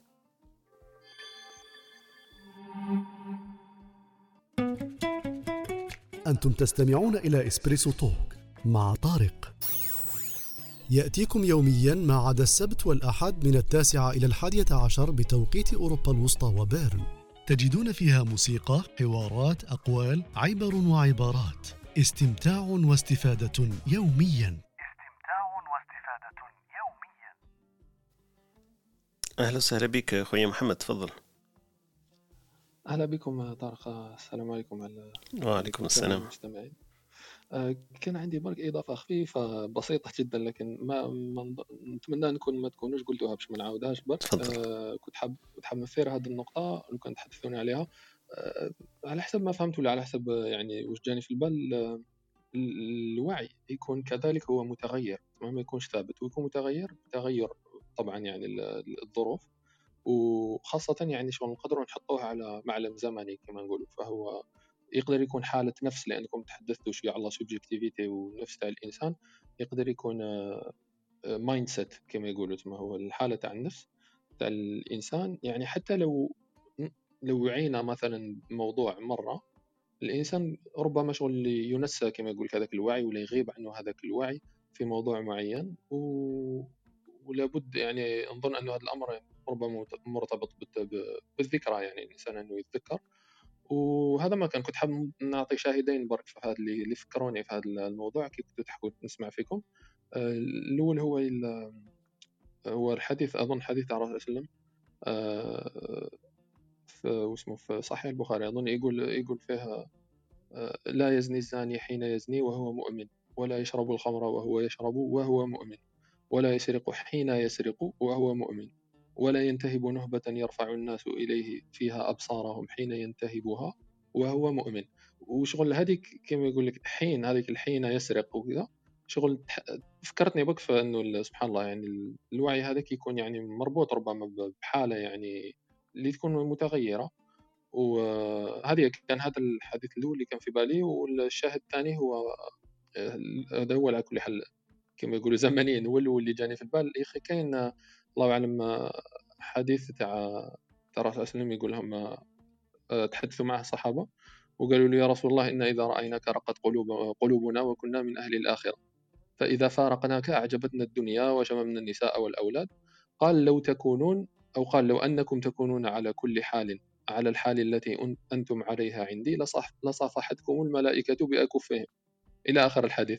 فحبيت نقول سبحان الله الوعي هذا ماشي حتى ولو وعينا بأمور يعني دائما الإنسان في نفسه يعني هذه الحالة النفسية لازم ي... لازم لها جهد ومجاهدة أنه يبقى عليها كما يقول. هذا ما كان الله يحفظكم. بارك الله فيك خويا محمد. شكرا على المداخلة تاعك.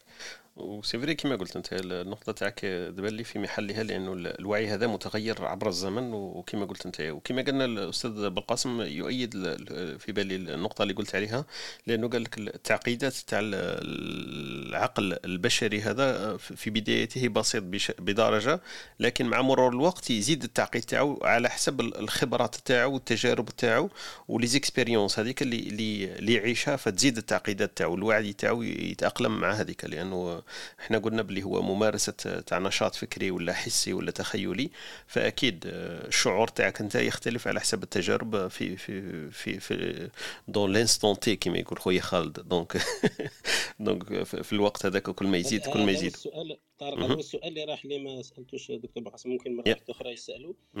نسألوا. c'est les états modifiés de la conscience okay les états modifiés de la conscience مثلا كيما نقولوا إنسان يكون في hypnose هو حكى عليها الشغل هكذا في, في, ال sens تاع باللي كيكون واحد راقد وكل شيء. صح تجربة كيكون واحد آه هذه منها l'anesthésie كاع هادو c'est des c'est des la modification تاع l'état تاع la conscience هذا. donc est-ce que عندها علاقة ما عندهاش علاقة؟ مع شي حكى محمد والله ماني عارف. okay. بارك الله. منها ثاني كما التجربة اللي دارها الباحث الفرنسي راح لي اسمه. هذاك اللي أثبت أنه الإنسان كي يموت يبقى آه يا يسموها ال tunneling هذيك اللحظات الأخيرة قبل الموت. صح صح. وهذه même هذه داروا ثاني عليها تجارب والناس إنه في لحظات الموت هذيك عاودوا المحيا كانوا شافوا رواحهم donc وعاو بنفسهم وهما وهما ميتين في هذيك آخر لحظات هذيك. يسموها tunneling je pense بالإنجليزية.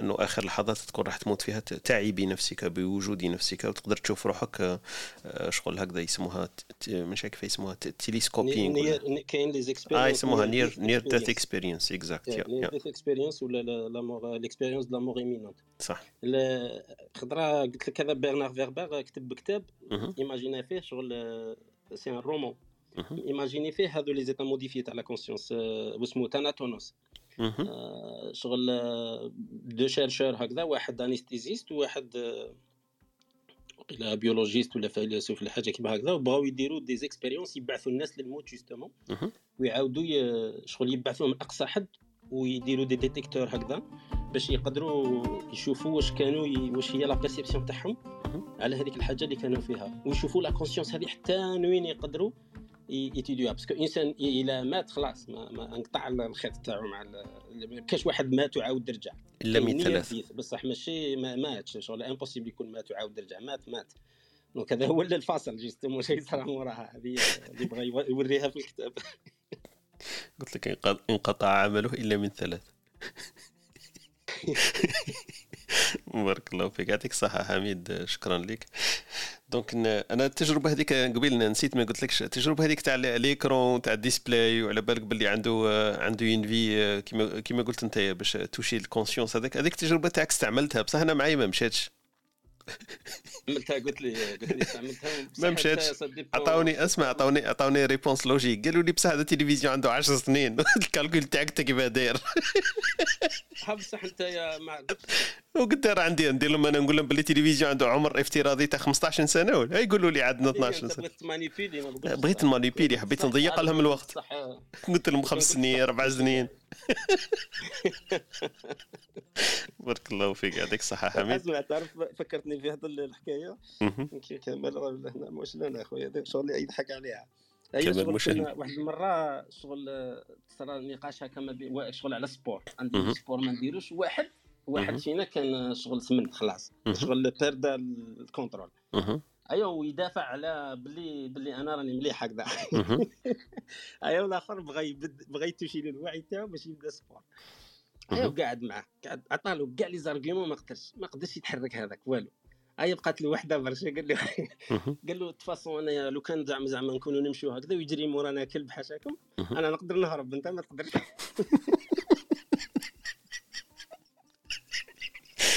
أنا ولا الوعي directement في في ال- في الصميم تاع الصح. أخي أخي. حميد هذا سؤال مليح يعجبك انت كاين واحد السؤال طرحه علينا قال لك هل يمكن أن يكون الوعي بدون صحوة؟ وهنا يقول لك وهنا أقصد l'éveil de l'esprit donc en français يعجبك أنت parce que تحب المصطلحات تقول لي ما نفهمش بزاف هذوك.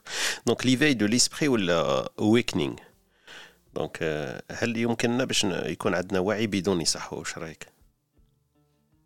اظن هذا السؤال تاع خالد بليس.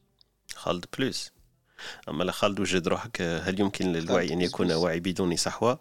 نفوتوا برك الكبسوله ال- الكبسوله الثقافية مع أختنا وهبه طولنا عليها ونعاودوا نرجعوا هذا السؤال نطرحوه مع خالد. خالد وجد روحك نعاود لك السؤال هل يمكن أن يكون الوعي بدون صحوة؟ l'éveil de l'esprit سموه ن- ننطلق إلى ال- الكبسولة الثقافية مع أختنا وهبه ونواصل إن شاء الله. أختي وهبه برك ال jingle هذا ونواصل آه، إلى راكي واجدة. نترككم مع الكبسولة الثقافية مع الأستاذة وهيبة.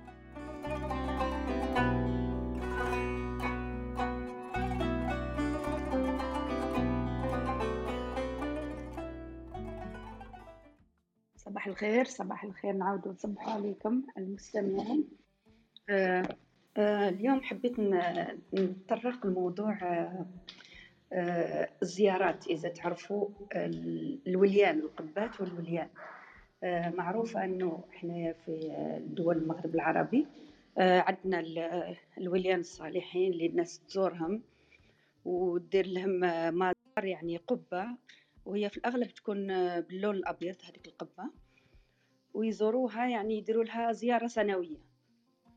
دونك مرة في السنة يديروا لها آه، حفلة يعني يدعوا الناس ويديروا ويديروا في الأغلب يعني صلاة المغرب في هذاك المكان والناس تجي تصلي المغرب وتقرأ له الفاتحة وتقرأ له الفاتحة وتصلي المغرب ويدير الإمام دعاء في هذيك في هذاك المزار.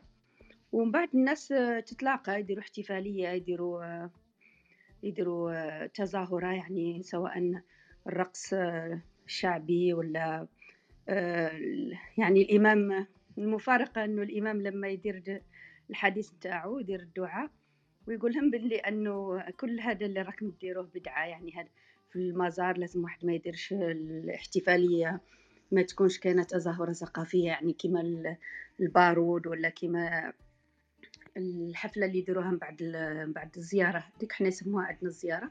ومن أشهرها هي نتاعت ال- يديروها premier mai أول ماي. آه، في في رقان يسموه الوالي يسموه مولاي الرقان. وهو معروف يعني حتى وزارة السياحة دايرة يجوا يعني أعضاء من الحكومة ويحضروا هذيك الاحتفالية. آه، كنوع يعني من الترويج آه، للسياحة هما في رأيهم وكلش. وي- ويديروها كل كل سنة في أول ماي. أول ماي. لذلك يعني من أشهرهم هو هذا مولاي زيارة رقاني يسموها زيارة رقاني في في بلدية رقان آه، ولاية أضرار وكاين طبعا زيارات وحدين تاني مزارات وحدين تانيين وليان وحدين تانيين. كل كل تقريبا كل قرية ولا كل دوار عنده والي خصوصا عندنا في ولاية أضرار يعني والاحتفالية نتاعو تكون سنوية. مرة في السنة يسموها السلكة كأنها يعني آه، آه، ما نعرفش كيفاش يسموها هنا في الشمال. ولكن مرة في العام هذيك يديروا له الدعاء يديروا له القراية يجوا العلماء ويحضروا صلاة المغرب ويدعوا له كاع والناس تتجمع و... وتتلاقى وت... والناس قاعد تكون لابسة الأبيض في هذيك ال- الاحتفالية. كل الناس بالعباية والشاش وهذاك الأبيض ويديروا العشاء يعني آه، أهل القرية هذوك يديروا العشاء للناس الضيوف اللي يجوا كاع لهذيك للزيارة ولا هذاك المزار. وكل وكل قرية يعني ماذا بها يكون عندها والي ولا اثنين لأنه آه، même هذيك الاحتفالية يعني كي الضياف وجمدة ويجوا يعطوا يعني كي تدخل هذيك الزيارة يلزمك تعطي آه، مبلغ مالي. donc آه، يسمى كيما يقولوا حنا يقلوهم من زيت معنا هذوك الضيافين راهم déjà يخلصوا هذاك العشاء اللي يجوا هذيك الاحتفالية اللي يحضروها وكاع. مش عارفة إذا عندكم في في البلدات نتاعكم ولا في المناطق الشمالية ولا المناطق الأخرى ولا كيفاش تسموها ولكن إحنا عندنا يسموها آه، زيارة والوالي يسموه آه، طبعا كل والي باسمه كل والي التابع القبل العرش نتاعو ولا القبيلة هذيك نتاعهم. والمثل المثل الشعبي اللي ينقال عندنا هو معاكس شوية لوش كنت نقول هو يقول لك آه، مدام نوالي ينزار وهو من أهل النار. معناها الناس فقط يعني أي واحد ممكن يقول لك هم دائما يقولوا دائما إنه الطالب يقول لك اسمع كلامه وما تتبعش فعاله من هذا الباب يعني مثلين شعبيين. حبيت نتقاسم معاكم. يقول لك الإمام أو الطالب اسمع كلامه ولا تتبع فعاله والثاني يقول لك وشحال من والي ينزار وهو من أهل النار. هذه المداخلة الثقافية نتاعي. شكرا.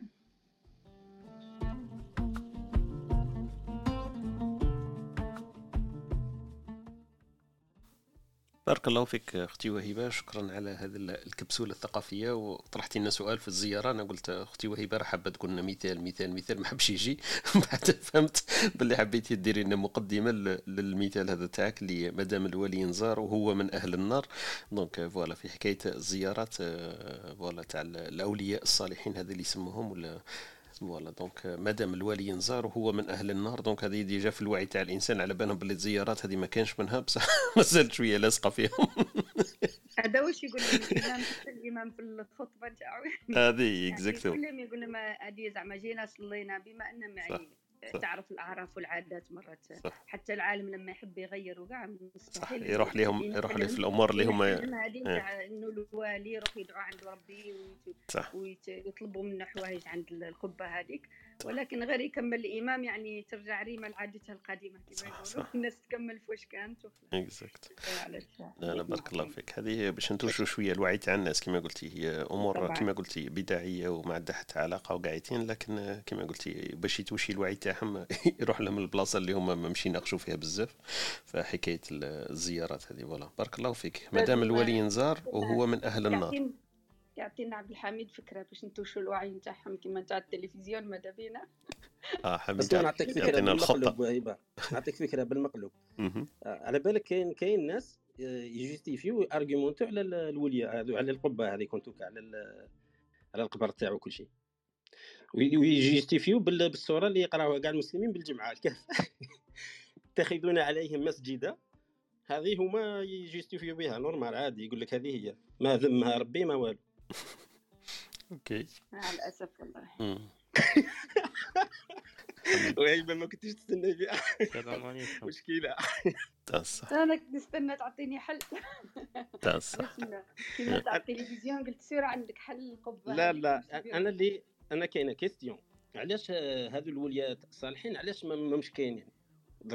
زعما علاش علاش ما زعما نروحوا لفلان نقولوا بلي هذا كاين كاين اللي يرقوا كاين أئمة يعرفوا يحضروا كاين علماء أه، بصح هذه تاع الولي ماهيش شغل الكرامات وهذو علاش علاش ما كايناش في هذا العصر اللي عايشين فيه؟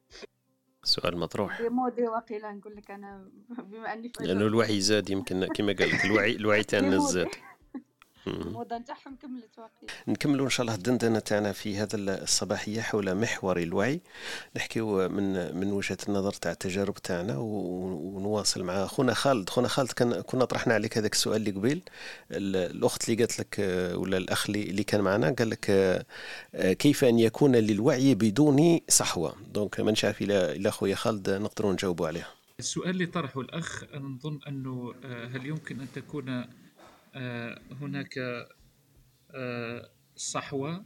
لا وعي وعي بدون صحوة يمكن السؤال هكذا. أكيد وأنا حبيت نصح السؤال. هل يمكن أن تكون هناك صحوة من دون وعي؟ أكيد تكون هناك صحوة من دون وعي. يستطيع الإنسان خاصة إذا كان مفهومنا للصحوة متشابه. يعني إذا كان يحكي هو من جانب مثلا منهجي ديني مع مثلا معين إيديولوجي. فقادر تكون هناك مثلا آه، صحوة صحوة من غير وعي. وكأنه الإنسان يطبق هكذا فقط ويكتفي بنفسه.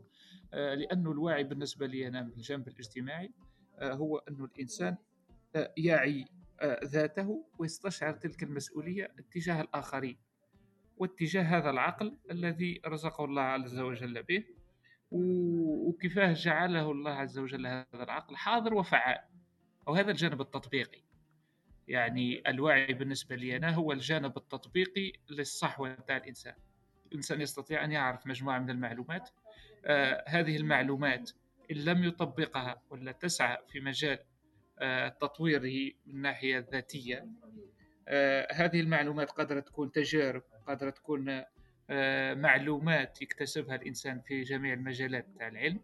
وقادرة تكون أيضا مجموعة من التقنيات الحديثة اللي يستعملوا فيها الناس. فتطبيقها هو الجانب الواعي في الإنسان. آه، هذا وش حبيت نعلق مانيش عارف إذا كان قست لو فون أما الشيء اللي حبيت نقوله أنا أنه السؤال اللي لازم يطرحه الإنسان هو هل هناك صحوة من دون وعي؟ مش هل هناك وعي من دون صحوة؟ لأنه الصحوة تستطيع أن تكون من دون وعي. أما وعي آه آه أستغفر الله آه هناك لأنه الوعي يستطيع أن يكون بعد الصحو أما الصحو من دون وعي وقيل خلطتها وخلطتها عليكم لا لا لا فمفهوم إنه الصحوة صح. هل يمكن تكون الصحوة من دون وعي فهمنا صح. لا عندك الحق في هذا الباب إنه السؤال بال... بالطريقة العكسية يمكن يكون يكتسبها الإنسان ويقرأها صح. ويتبع منهج معين. أما الوعي هو استشعار المسؤوليه تجاه تلك المعلومات وهذا اللي لازم يعاه الإنسان هو مآل استعمال هذه المعلومات وهذا مهم جدا اليوم خاصة في الصوت تاع خويا خالد انقطع يمكن réseau نظن هي نظن هي الخلطة وين صرات؟ شغل كي كي نهضروا على الوعي على المستوى الفكري ولا الاجتماعي. اذا إذا إذا كنا نهضروا على الوعي هذاك اللي كنا نهضروا عليه مع الأول باللي الإنسان لازم يكون واعي. يسمى لازم تكون حاجة organique تسمى عضوية في في الصحوة. impossible زعما ت imagini صحوة بلا ما الانسان ما يوعى ويكون عنده درجة من الوعي إنه يتقبل فكرة الصحوه أصلا.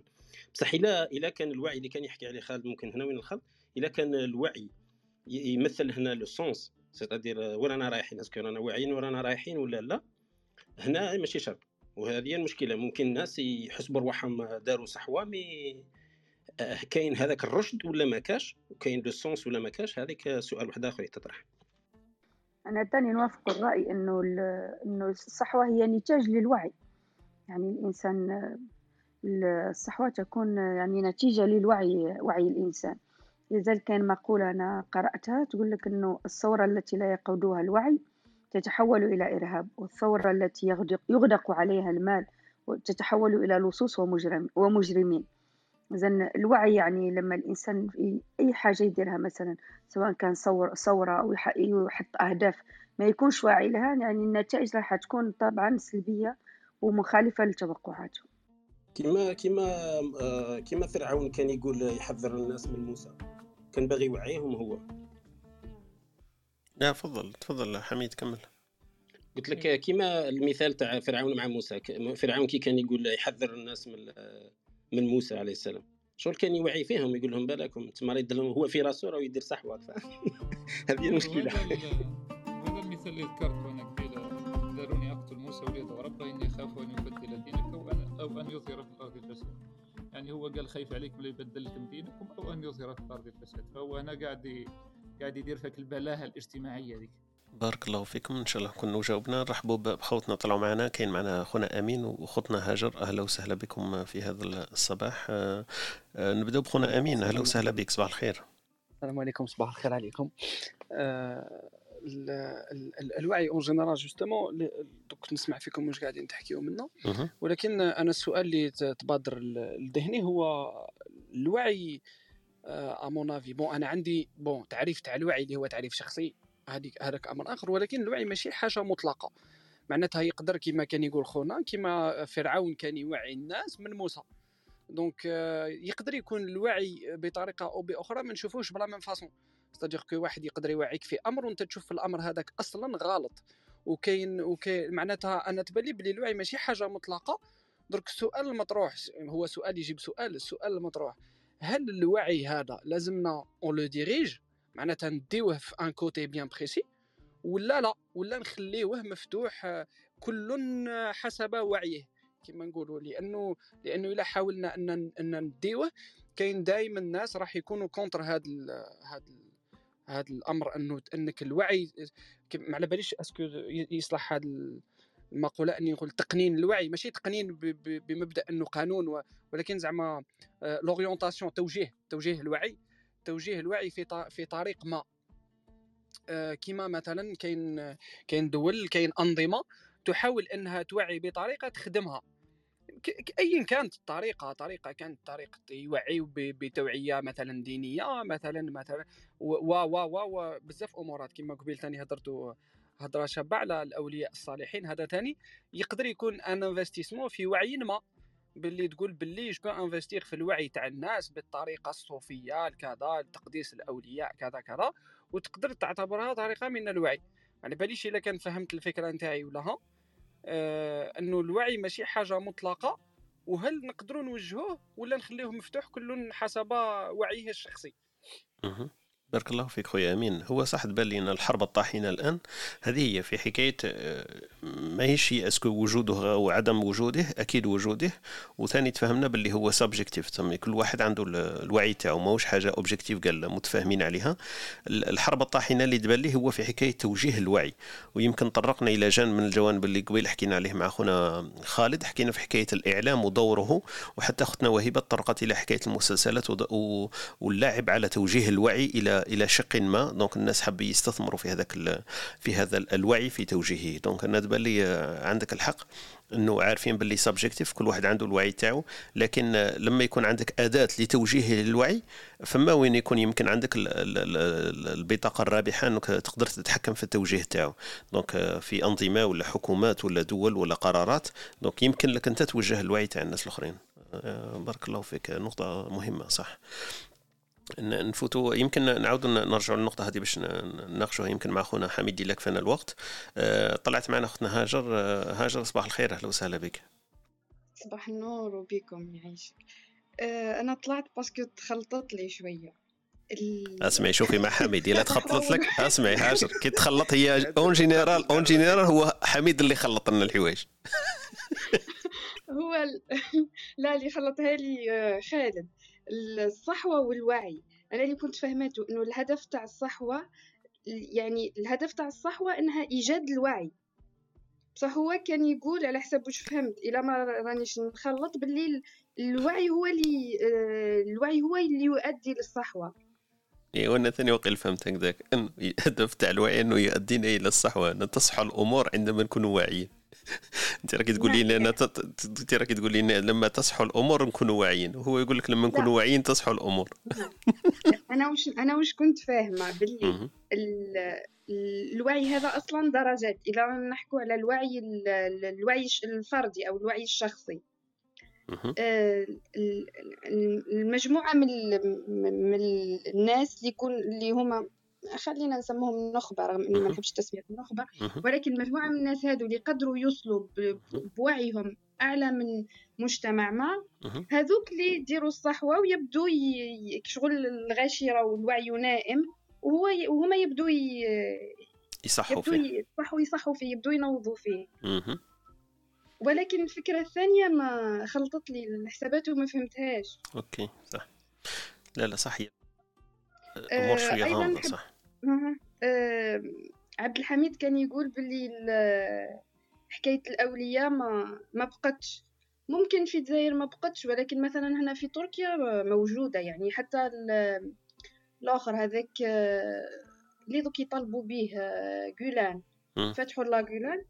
كان يقول لهم باللي أنا نطير وأنا ما نعرفوش وكانوا الأتباع تاعو يصدقوه يعني. يعني هنا لأن الصوفية ما زالت موجودة وبكثرة في تركيا مازال موجود الأولياء يعني الأولياء العايشين مش مش المتوفيين. أوكي شكرا يعطيك الصحة أختي هاجر بارك الله فيك. نفوت يمكن الحميد حميد في النقطتين هذوما كما كان يقولنا قبيل خونا أمين توجيه الوعي. والوعي متفق إنه ماهوش نفسه عند الناس قايتين لكن لما نعرفوه نقدروا نوجهوه. وهذه كما قلت يمكن هذه الحرب القادمة كيفاش نوجهوا الوعي تاع الناس ونخلوهم هما يأمنوا بما نؤمن نحن لأنه إحنا وهما مش كيف كيف لكن عندنا القوة. وخطنا هاجر قالت لك آه، في مسألة بين الصحو والوعي اسكو هو درجات الوعي تؤدي بنا إلى الصحوة ولا بالعكس كما كان يقول خالد يمكن آه، شوية المفاهيم اختلطت آه، على أختنا هاجر وعلينا إحنا يمكن كذلك. تفضل حميد عندك ما ت... خسارة ما شفنا خالد مي أنا اللي حسبت يمكن يرجع جربت نفهم يعني. برك جربت نفهم برك خالد أنا شا فهمته فهمت باللي الآخر الكلمة تاع الوعي هي اللي خلطتها. لو كان زعما نفرقوا ما بيناتهم. زعما واحد نسموه وعي وواحد نسموه لو سونس هكا زعما المعنى تاع الأشياء ولا الرشد في هذاك المعنى. فيصبح عندنا زوج كلمات. إذا كلمنا على الوعي هذاك basique ال اللي كنا نحكوا عليه de nouveau مش نحكوا على الوعي العلمي هذاك. نحكوا غير على الوعي مثلا على المستوى هكا مش عارف الفكري ولا. فلسفي الفلسفي غير يقول أه، لا مش فلسفي لا لا ماشي فلسفي justement. ممكن يكون على برك كلمات ككلمات برك باش مصطلحات. زعما نحكوا على على حاجة اللي راني أنا باغي باغيك انت تحس بها فنجيب لك أنا des arguments وأنت لازم تحس. مع تالي نجيب لك argument numéro 1 ما تحس numéro 2 ما تحس ثلاثة أربعة خمسة ستة نقوي لك حتى تبدأ تحس. كي تحس معناتها touchيت الوعي تاعك. إلا تفهمنا على هذه الكلمة تاع الوعي. هنا مثلا اللي قالت هي النخبة مثلا. الدور تاع النخبة آه، كاينة النخبة اللي آه، متكلفة غير باللي بتفهم برك مع الأول لازم description تاع la chose كيما مثلا مالك بن نبي الله يرحمه الله شغل واحد يسي يفهم يفهم آه، وراهم المشاكل ولا كاين مشاكل ويسميهم est-ce que يتفق est-ce que يتفقوا كاع بلي كاين هذو المشكلة تاعنا. من بعد ممكن تجي مرحلة العلاج والعلاج هذاك يكون يكون من بزاف ناس ماشي غير من واحد ولا زوج ولا ثلاثة ولا ممكن شغل جمهور تاع ناس يخدموا كاع. على هذوك المستويات. باش يقدروا الدرجة تاع الوعي هذاك اللي رانا نحكوا عليه تطلع. تسمى هي quelque chose عضوية في الصحوة. معناتها une fois طلعت الدرجة تاع الوعي هذوك الناس كي نهضروا معاهم راهم يفهموا فينا. هذه شم عندها راهم يفهموا في الحاجة اللي رانا نهضروا معاها. معناتها انت تخيل هتلر طلع درجة الوعي تاع الناس تاع الألمان في الش... في, ال... في, ال... في الجهة تاع باللي حنايا هما الأرباب وحنا هما شايف حنا الجنس هذاك الواعر كاع حنا البيض. تسمى هكا دار شغل quelque part راه يهضر مع وعي مش يهضر مع ناس راقدين هكا ولا راه يهضر مع ناس واعيين. بصح درجة الوعي تاعهم هذيك اللي عضوية داتهم المصلحة تاعو هو اللي كان يخدم عليها هو النظرة تاعو. كما اللي كنا نحكوا عليها تاع فرعون. ما معناتهاش باللي دائما هذيك الوعي الثاني اللي جاي فوق الصحوه ما معناتهاش باللي آه، يكون دائما متفقين عليه. ممكن يكون واحد شرير ممكن يكون واحد خير ممكن ما تعرفش. بصح مع التالي هو لازم يرتكز على درجة الوعي اللي عضوية لتحت يخليك تفهم parce que ما يقدرش كيفاش باش تتبعه. شايف؟ لازم ي... لازمك ترى la conviction لازم انت تكون convaincu الداخل باش تتبعه. هذه هي اللي رانا نحكوا عليها باللي عضوية. معناتها ما نقدرش نتصوروا أنه تقدر تكون صحوة بلا هذه العضوية تاع الوعي. أما أنه يقدر يكون صحوة وما فيهاش هذاك الوعي الزاوج اللي سميناه إحنا الرشد ولا سميناه سميناها le sens المعنى ولا قادرة كما يعطينا الأمثلة هذه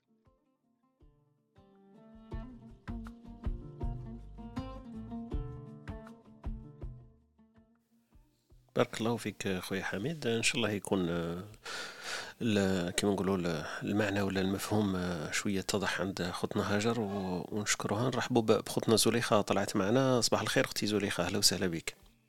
صباح الخير عليكم. إن شاء الله تكونوا كل بخير. ربي يحفظك أهلا وسهلا. استفزيناك بالوعي ولا ولا عندك عندك آه، ما تقولي في هذا الموضوع؟ بالعكس آه، أنا نشكركم على اختيار الموضوع لأنه الموضوع هذا كبير ومتشعب وفيه درجات. آه، فممكن يعني ممكن نحكي فيه أيام وأيام وممكن نلمس جانب واحد برك يعني. صح. أنا في الحقيقة طلعت لأنه أنا كنت اللي طرحت سؤال الصحوة بس الصحوة هنا أنا ما كنت نقصد صحوة دينية واجتماعية أنا هنا كنت نقصد le déclic يعني آه إنه آه إنسان يكون في حالة لا وعي أو عدم عدم آه الاستماع أو عدم الاستماع لنفسه عدم الوعي بنفسه في le déclic يعني هل ممكن أنه يمشي يوعى الإنسان وكأنه كان نائم وصحى؟ فكان كلمة الصحوة عندي هي عندها الأويكنينج إنه يصحى إنه he wakes up. he wakes up مش بالمعنى إنه يعني بالمعنى الفلسفي الموضوع إنه أنا كنت في حالة لا وعي أه وصحيت. اللي كان في حالة لا وعي يكون آه، كاين مؤثرات آه، سواء في بيئته سواء في إدراكه اللي راح توصل به إلى درجة أنه وكأنه كان نايم وصحى. ومن بعد يدخل في ومن بعد يبدأ يوعى. والوعي كما يعني مش عارف يعني كان سؤالي هو هذه هذه لا فاز هذا لو ديكليك فهمتك من حالة إلى أخرى. من الحالة إلى الأخرى. ماشي. كيف كيف؟ ماشي. نفس السؤال كاع خالد مش لنا الغالب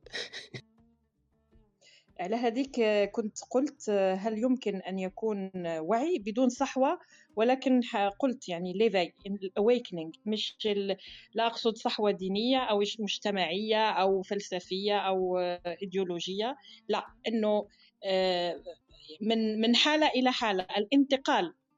déclic حالة نعطي لك برك مثال صغير قبل ما يدخل خونا بن حرز الله. بارك آه، السلام عليكم بن حرز الله. اسمح لي دقيقة برك. نعطيك مثال صغير وانت وانت شوفي عليه قيسي عليه. مثلا آه، زوج زوج فلاسفة كبار. واحد فيلسوف اسمه بارتون روسال ثاني logicien وكل شيء. c'est-à-dire آه، يخدم بزاف على la logique وكل شيء. هذا بارتون روسال شا قال قال انايا كنت راقد جا ديفيد هيوم. هذا ديفيد هيوم كيقراه هو c'est-à-dire ديفيد هيوم قبل وقبله في القرن السادس عشر ولا. كيقراه قال لك أنقذني من سباتي. هذا هو صرا له ال déclic هو. شا صرا له ال déclic شا دار؟ واش دار هو هذا بارتون روسال راح ألحد. صرات له صحوة به ألحد. دوك أنت لا درك مثلا هذه الصحوة اللي راهم يحكوا عليها راهم يحكوا عليها بزاف مثلا في ال développement personnel. يقول لك باللي انايا راني كنت خليت الأمور هكا تمشي على حالها ومن بعد صارت لي صحوة حتى لازم دروك نبحث وين راهو الديكليك اللي يخليني أنايا نفيق بروحي نوعى بروحي باش بالليل نغير من حياتي. فهذه نظن الدكتور بالقاسم قال عليها الساعة قال باللي كاين وعي يجي من الداخل مثلا واحد يسمن بزاف ولا يعب يجوه منبهات هكذا ما يقدرش يقدر يتحرك بزاف ما يبداش يبدا يصراو له صوالح يجوا منبهات من الداخل. فهذا قادر يكون un déclic الله أعلم كان déjà هضر عليها من قبل.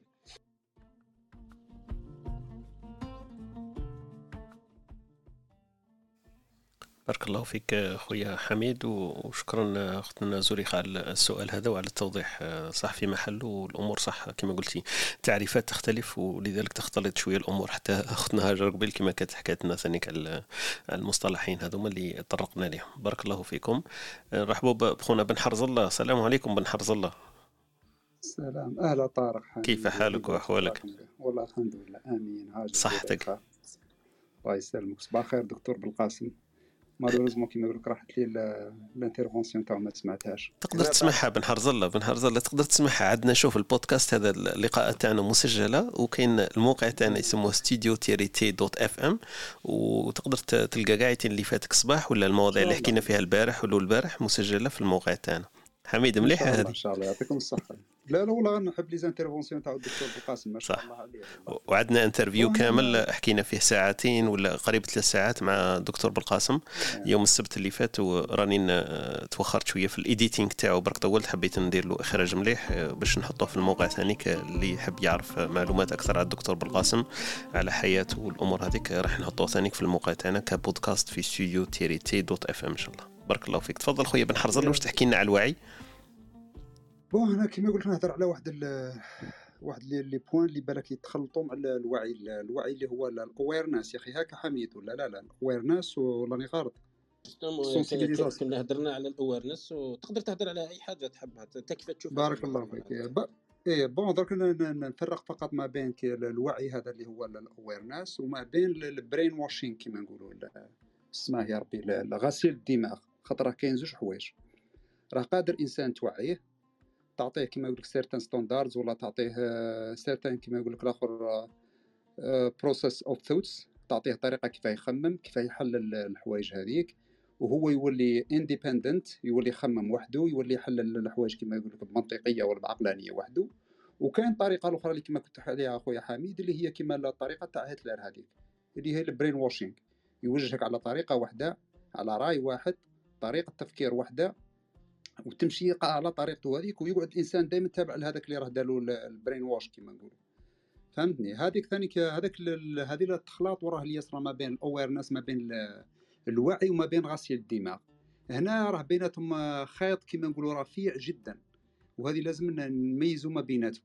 راك حاب توعي وهذو للأسف هذو جماعة ال brain wash اللي يديروها خاصة في ال politique وفي ال ideologies ولا الصوالح هذه وكما رانا نسمعوا هذو جماعة LGBT وهذوك راك فاهمني تصرى المشاكل هذه ومن بعد يأثروا على ال crédibilité تاع الناس اللي تدير في ال awareness اللي تدير في الوعي هذاك. لأن كما قلت لك الوعي ما يتحكم لكش في ميولاتك ولا يتحكم لك انت في التوجهات تاعك ولا حاجة لا لا. يعطيك طريقة منطقية يا بالناس كما يقول لك تراك بالك طريقتك لك تخمم بها ولا تحلل بها في الأشياء. راه ماهيش هذيك هي. take those benchmarks ولا خذ هذه النقاط هذون ولا المعايير هذون وعود قيس عليهم. قيس par exemple نقولوا الربح والخسارة في التجارة. داخل في تجارة ها الربح كيفاش داير ها الخسارة كيفاش دايرة وانت تميز بيناتهم. علاقات اجتماعية ثاني كيف كيف تربح ناس ولا كيما يقول لك تعدي ناس ولا مانيش عارف ثاني كيف كيف les avantages des inconvénients تاعها. فهمتني؟ درك هنايا لازم يكون فرق بيناتهم. إذا ما قدرناش نفرقوا بيناتهم ندخلوا في المشكل هذاك اللي تسمع في كلمة ما تدخلش روحك فيه. خاطر الإنسان إذا حسك راك راح تغسل له الدماغ تاعو ولا راح تأثر عليه ولا راح توجهه بطريقة اللي تخدمك انت ولا تخدم قناعاتك ولا توجهاتك الإنسان هنا قادر يتمرد عليك. راك فاهمني؟ وهذه شفتها حتى في لي زيتيد يمكن نقروا فيهم لا ميم شوز. فاهمني؟ تقريه على حاجة ولا دير له تعطيه الطريقة اللي يحل بها المسألة هذيك ولا المشكلة هذيك يتبعك normal. بصح لو كان تفرض عليه أنت طريقتك الخاصة برك. هنا يجي هذاك التململ والتردد هذاك وقادر حتى تصرى لك مشكلة معاه إن شاء الله نكون وضحت النقطة هذه فقط ما بين ال brain wash وما بين ال awareness بارك الله فيك بن حرزل. صح النقطة هذه ما تطرقناش لها قبيل وصح إضافة مهمة. ويمكن هي جاوبت على أخونا أمين بطريقة غير مباشرة. هو السؤال هذا كان طرحه هو قال لك باللي subjective الوعي لكن كيفاش نقدروا نوجهه ويمكن الكلمة اللي اختصرت الجواب هذه هي ال brain washing غسيل الدماغ يمكن عبرنا عليها وهي كلمة يمكن تعبر على توجيه الوعي يسموها ال brain washing donc أنك توجه فيه ولا تتحكم فيه. بارك الله فيك. تاع الشيطان spécialité تاع الشيطان دركا نشوفوا يزيف غير يزيف. نلقاو لي زيتيديون تاوعو وبعد نحشروا كش واحد منهم يطلع معنا.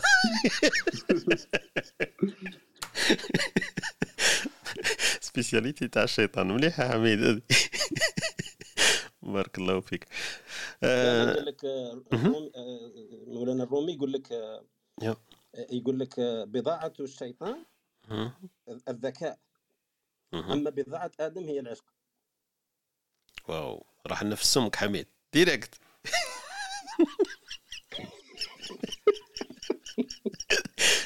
غير قاصحه قاصحه قاصحه كيف؟ أنا نقولها له نقول له أنا نقول له ساعات حميد نطلعه مش على جال العمق في الأفكار نطلعه على جال السمك في الأفكار قالها لي هاي خلاص حميد شهدوا شهدوا اثنين من الحاضرين معنا خلاص أنا وأمين شاهدين عليك باللي قاصحة ولا عميقة ولا سميكة اختر من ما شئت. بارك الله فيك. عاودها حميد مليحه بصح. fort اللي قالها dose إسبريسو هذه début تاع الصباح وما تفطنهاش. عاودها حميد. قال لك الذكاء هو بضاعة الشيطان أما آدم فبضاعته العشق.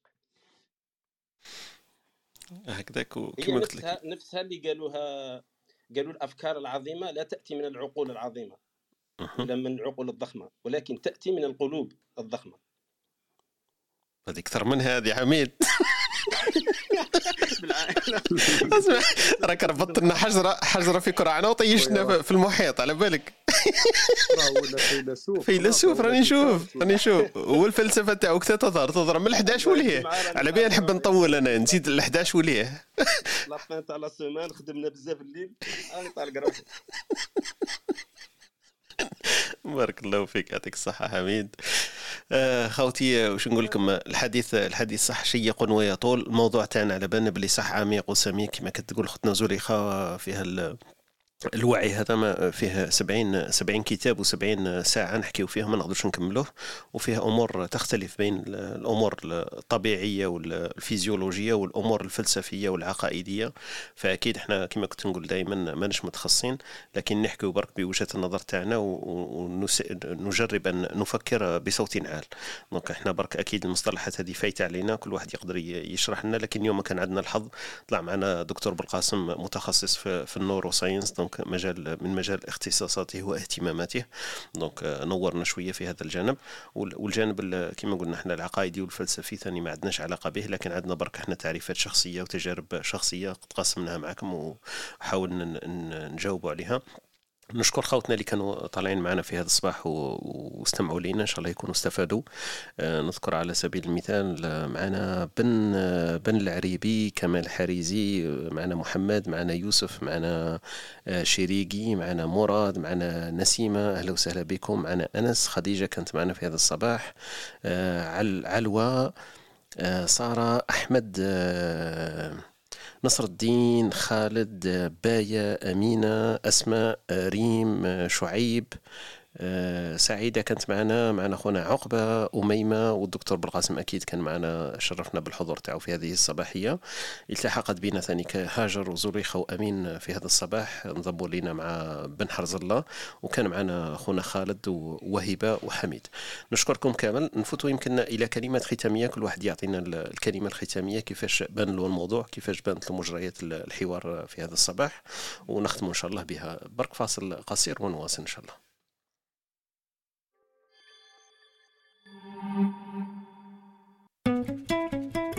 أنتم تستمعون إلى إسبريسو توك مع طارق. يأتيكم يوميا ما عدا السبت والأحد من التاسعة إلى الحادية عشر بتوقيت أوروبا الوسطى وبيرن.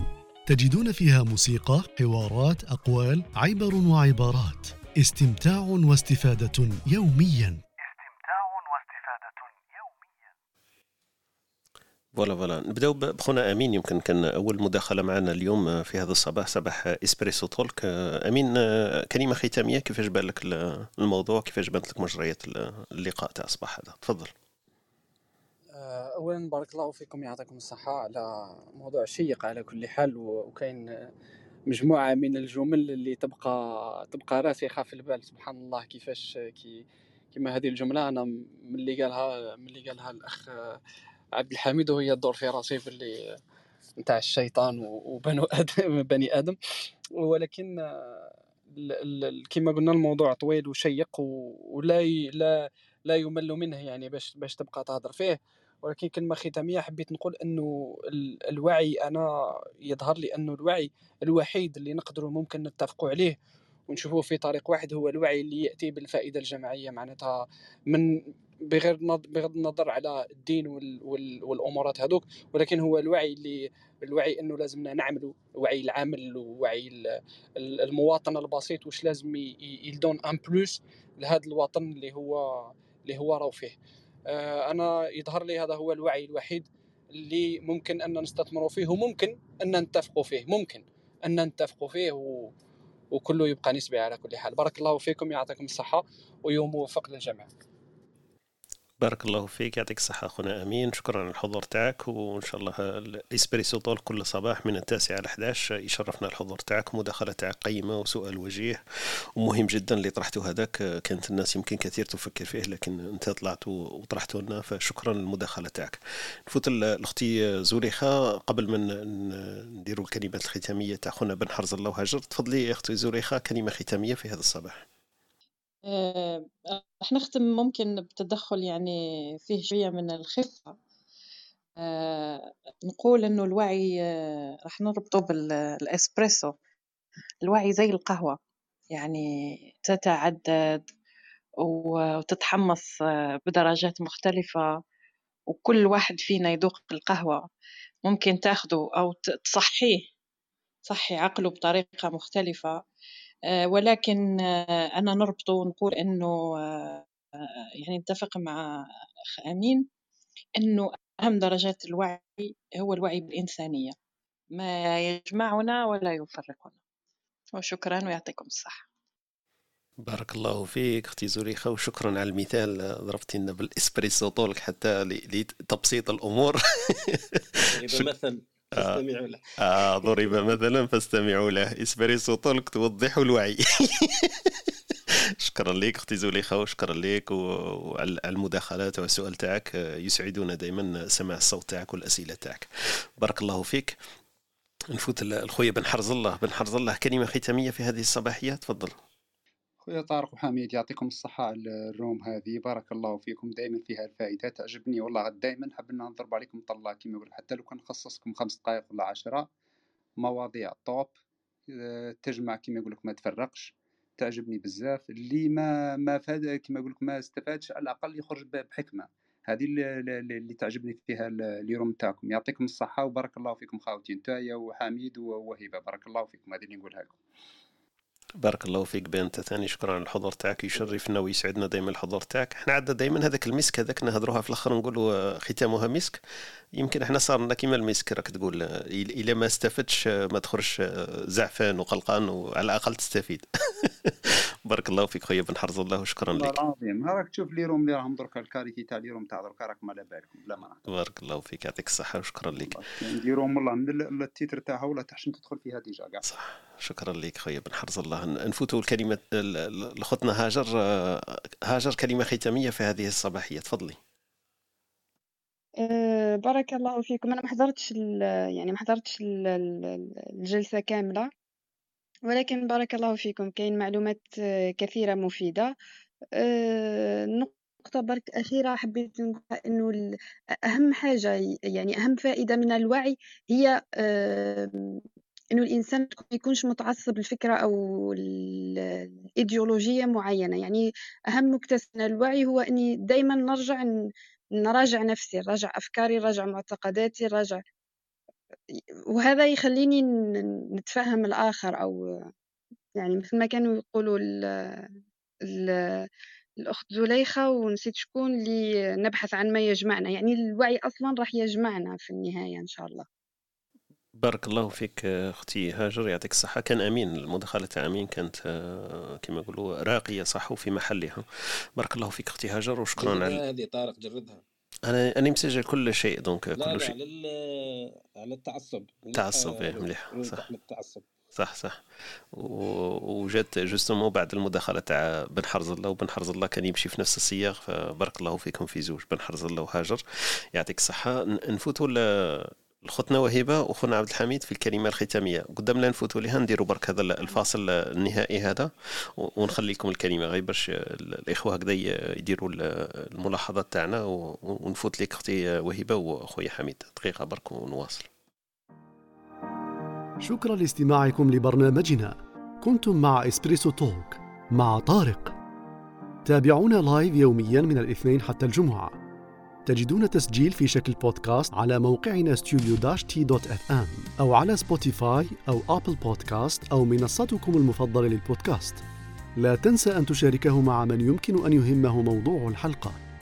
ليصلك تنبيه عند بدء غرفنا الرجاء الانضمام إلى الكلاب ام عبر الضغط على البيت الأخضر في الأعلى.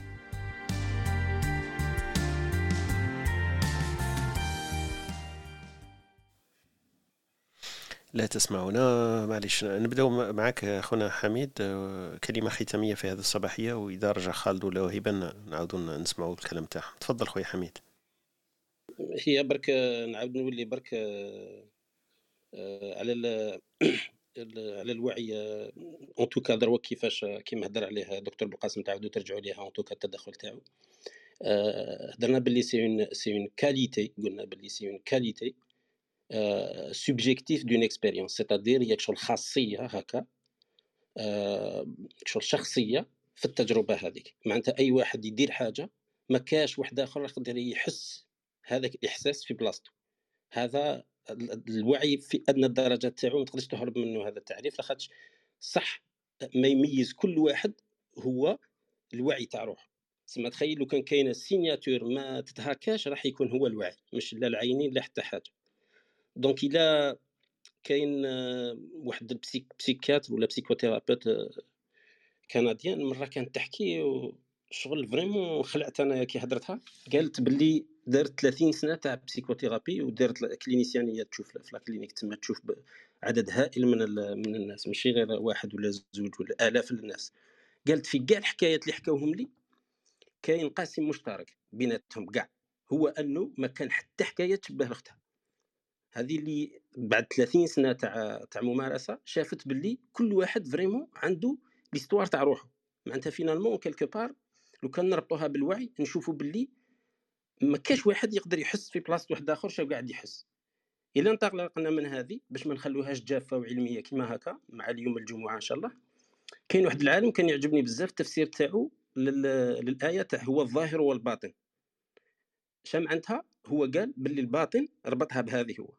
قال بما أنه ما كان حتى واحد راه يقدر يحس في بلاصتنا معناتها الواحد كي يجي يدعي ربي ولا يستحضر هذه يقول باللي c'est vrai شغل ما كاش. imaginez تروح تقصد واحد ولا ما كاش اللي يقدر يحس في بلاصتك mais vraiment. ما غير ربي سبحانه اللي يقدر vraiment هو يحس exactement أنت اش قاعد تحس. donc إن شاء الله آه إن شاء الله برك نستحضروا هذه. كي نجيو ندعو ربي سبحانه باش تخلينا نزيدو نكونسونطرو على الدعاء ونعرفوا الأهمية تاعو إن شاء الله. إن شاء الله ربي يفتح علينا وعليكم وجمعه جمعة مباركة للجميع إن شاء الله.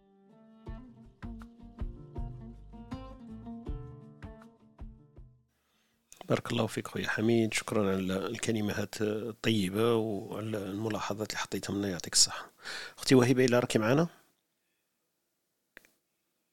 آه نعم راني معك. آه كلمة كلمة ختامية على بالنا آه على بالنا بلي connexion راهي دايرة حالة عندك. تفضلي. oui ال connexion. آه معليش. آه نشكركم طبعا. آه، كما العادة يعني نشكر الناس اللي شاركوا معنا. بن حرز الله والدكتور بن قاسم وهاجر وأمين وزليخة وطبعا مشاركة عبد الحميد وخالد. وكنت حابه ننوه فقط إنه الغرفة وصلت لهذا المستوى وهذا المستوى من الوعي ومن الرقي. بفضل الإدارة الحكيمة يعني والقواعد اللي حطها الأستاذ طارق يعطيك الصحة.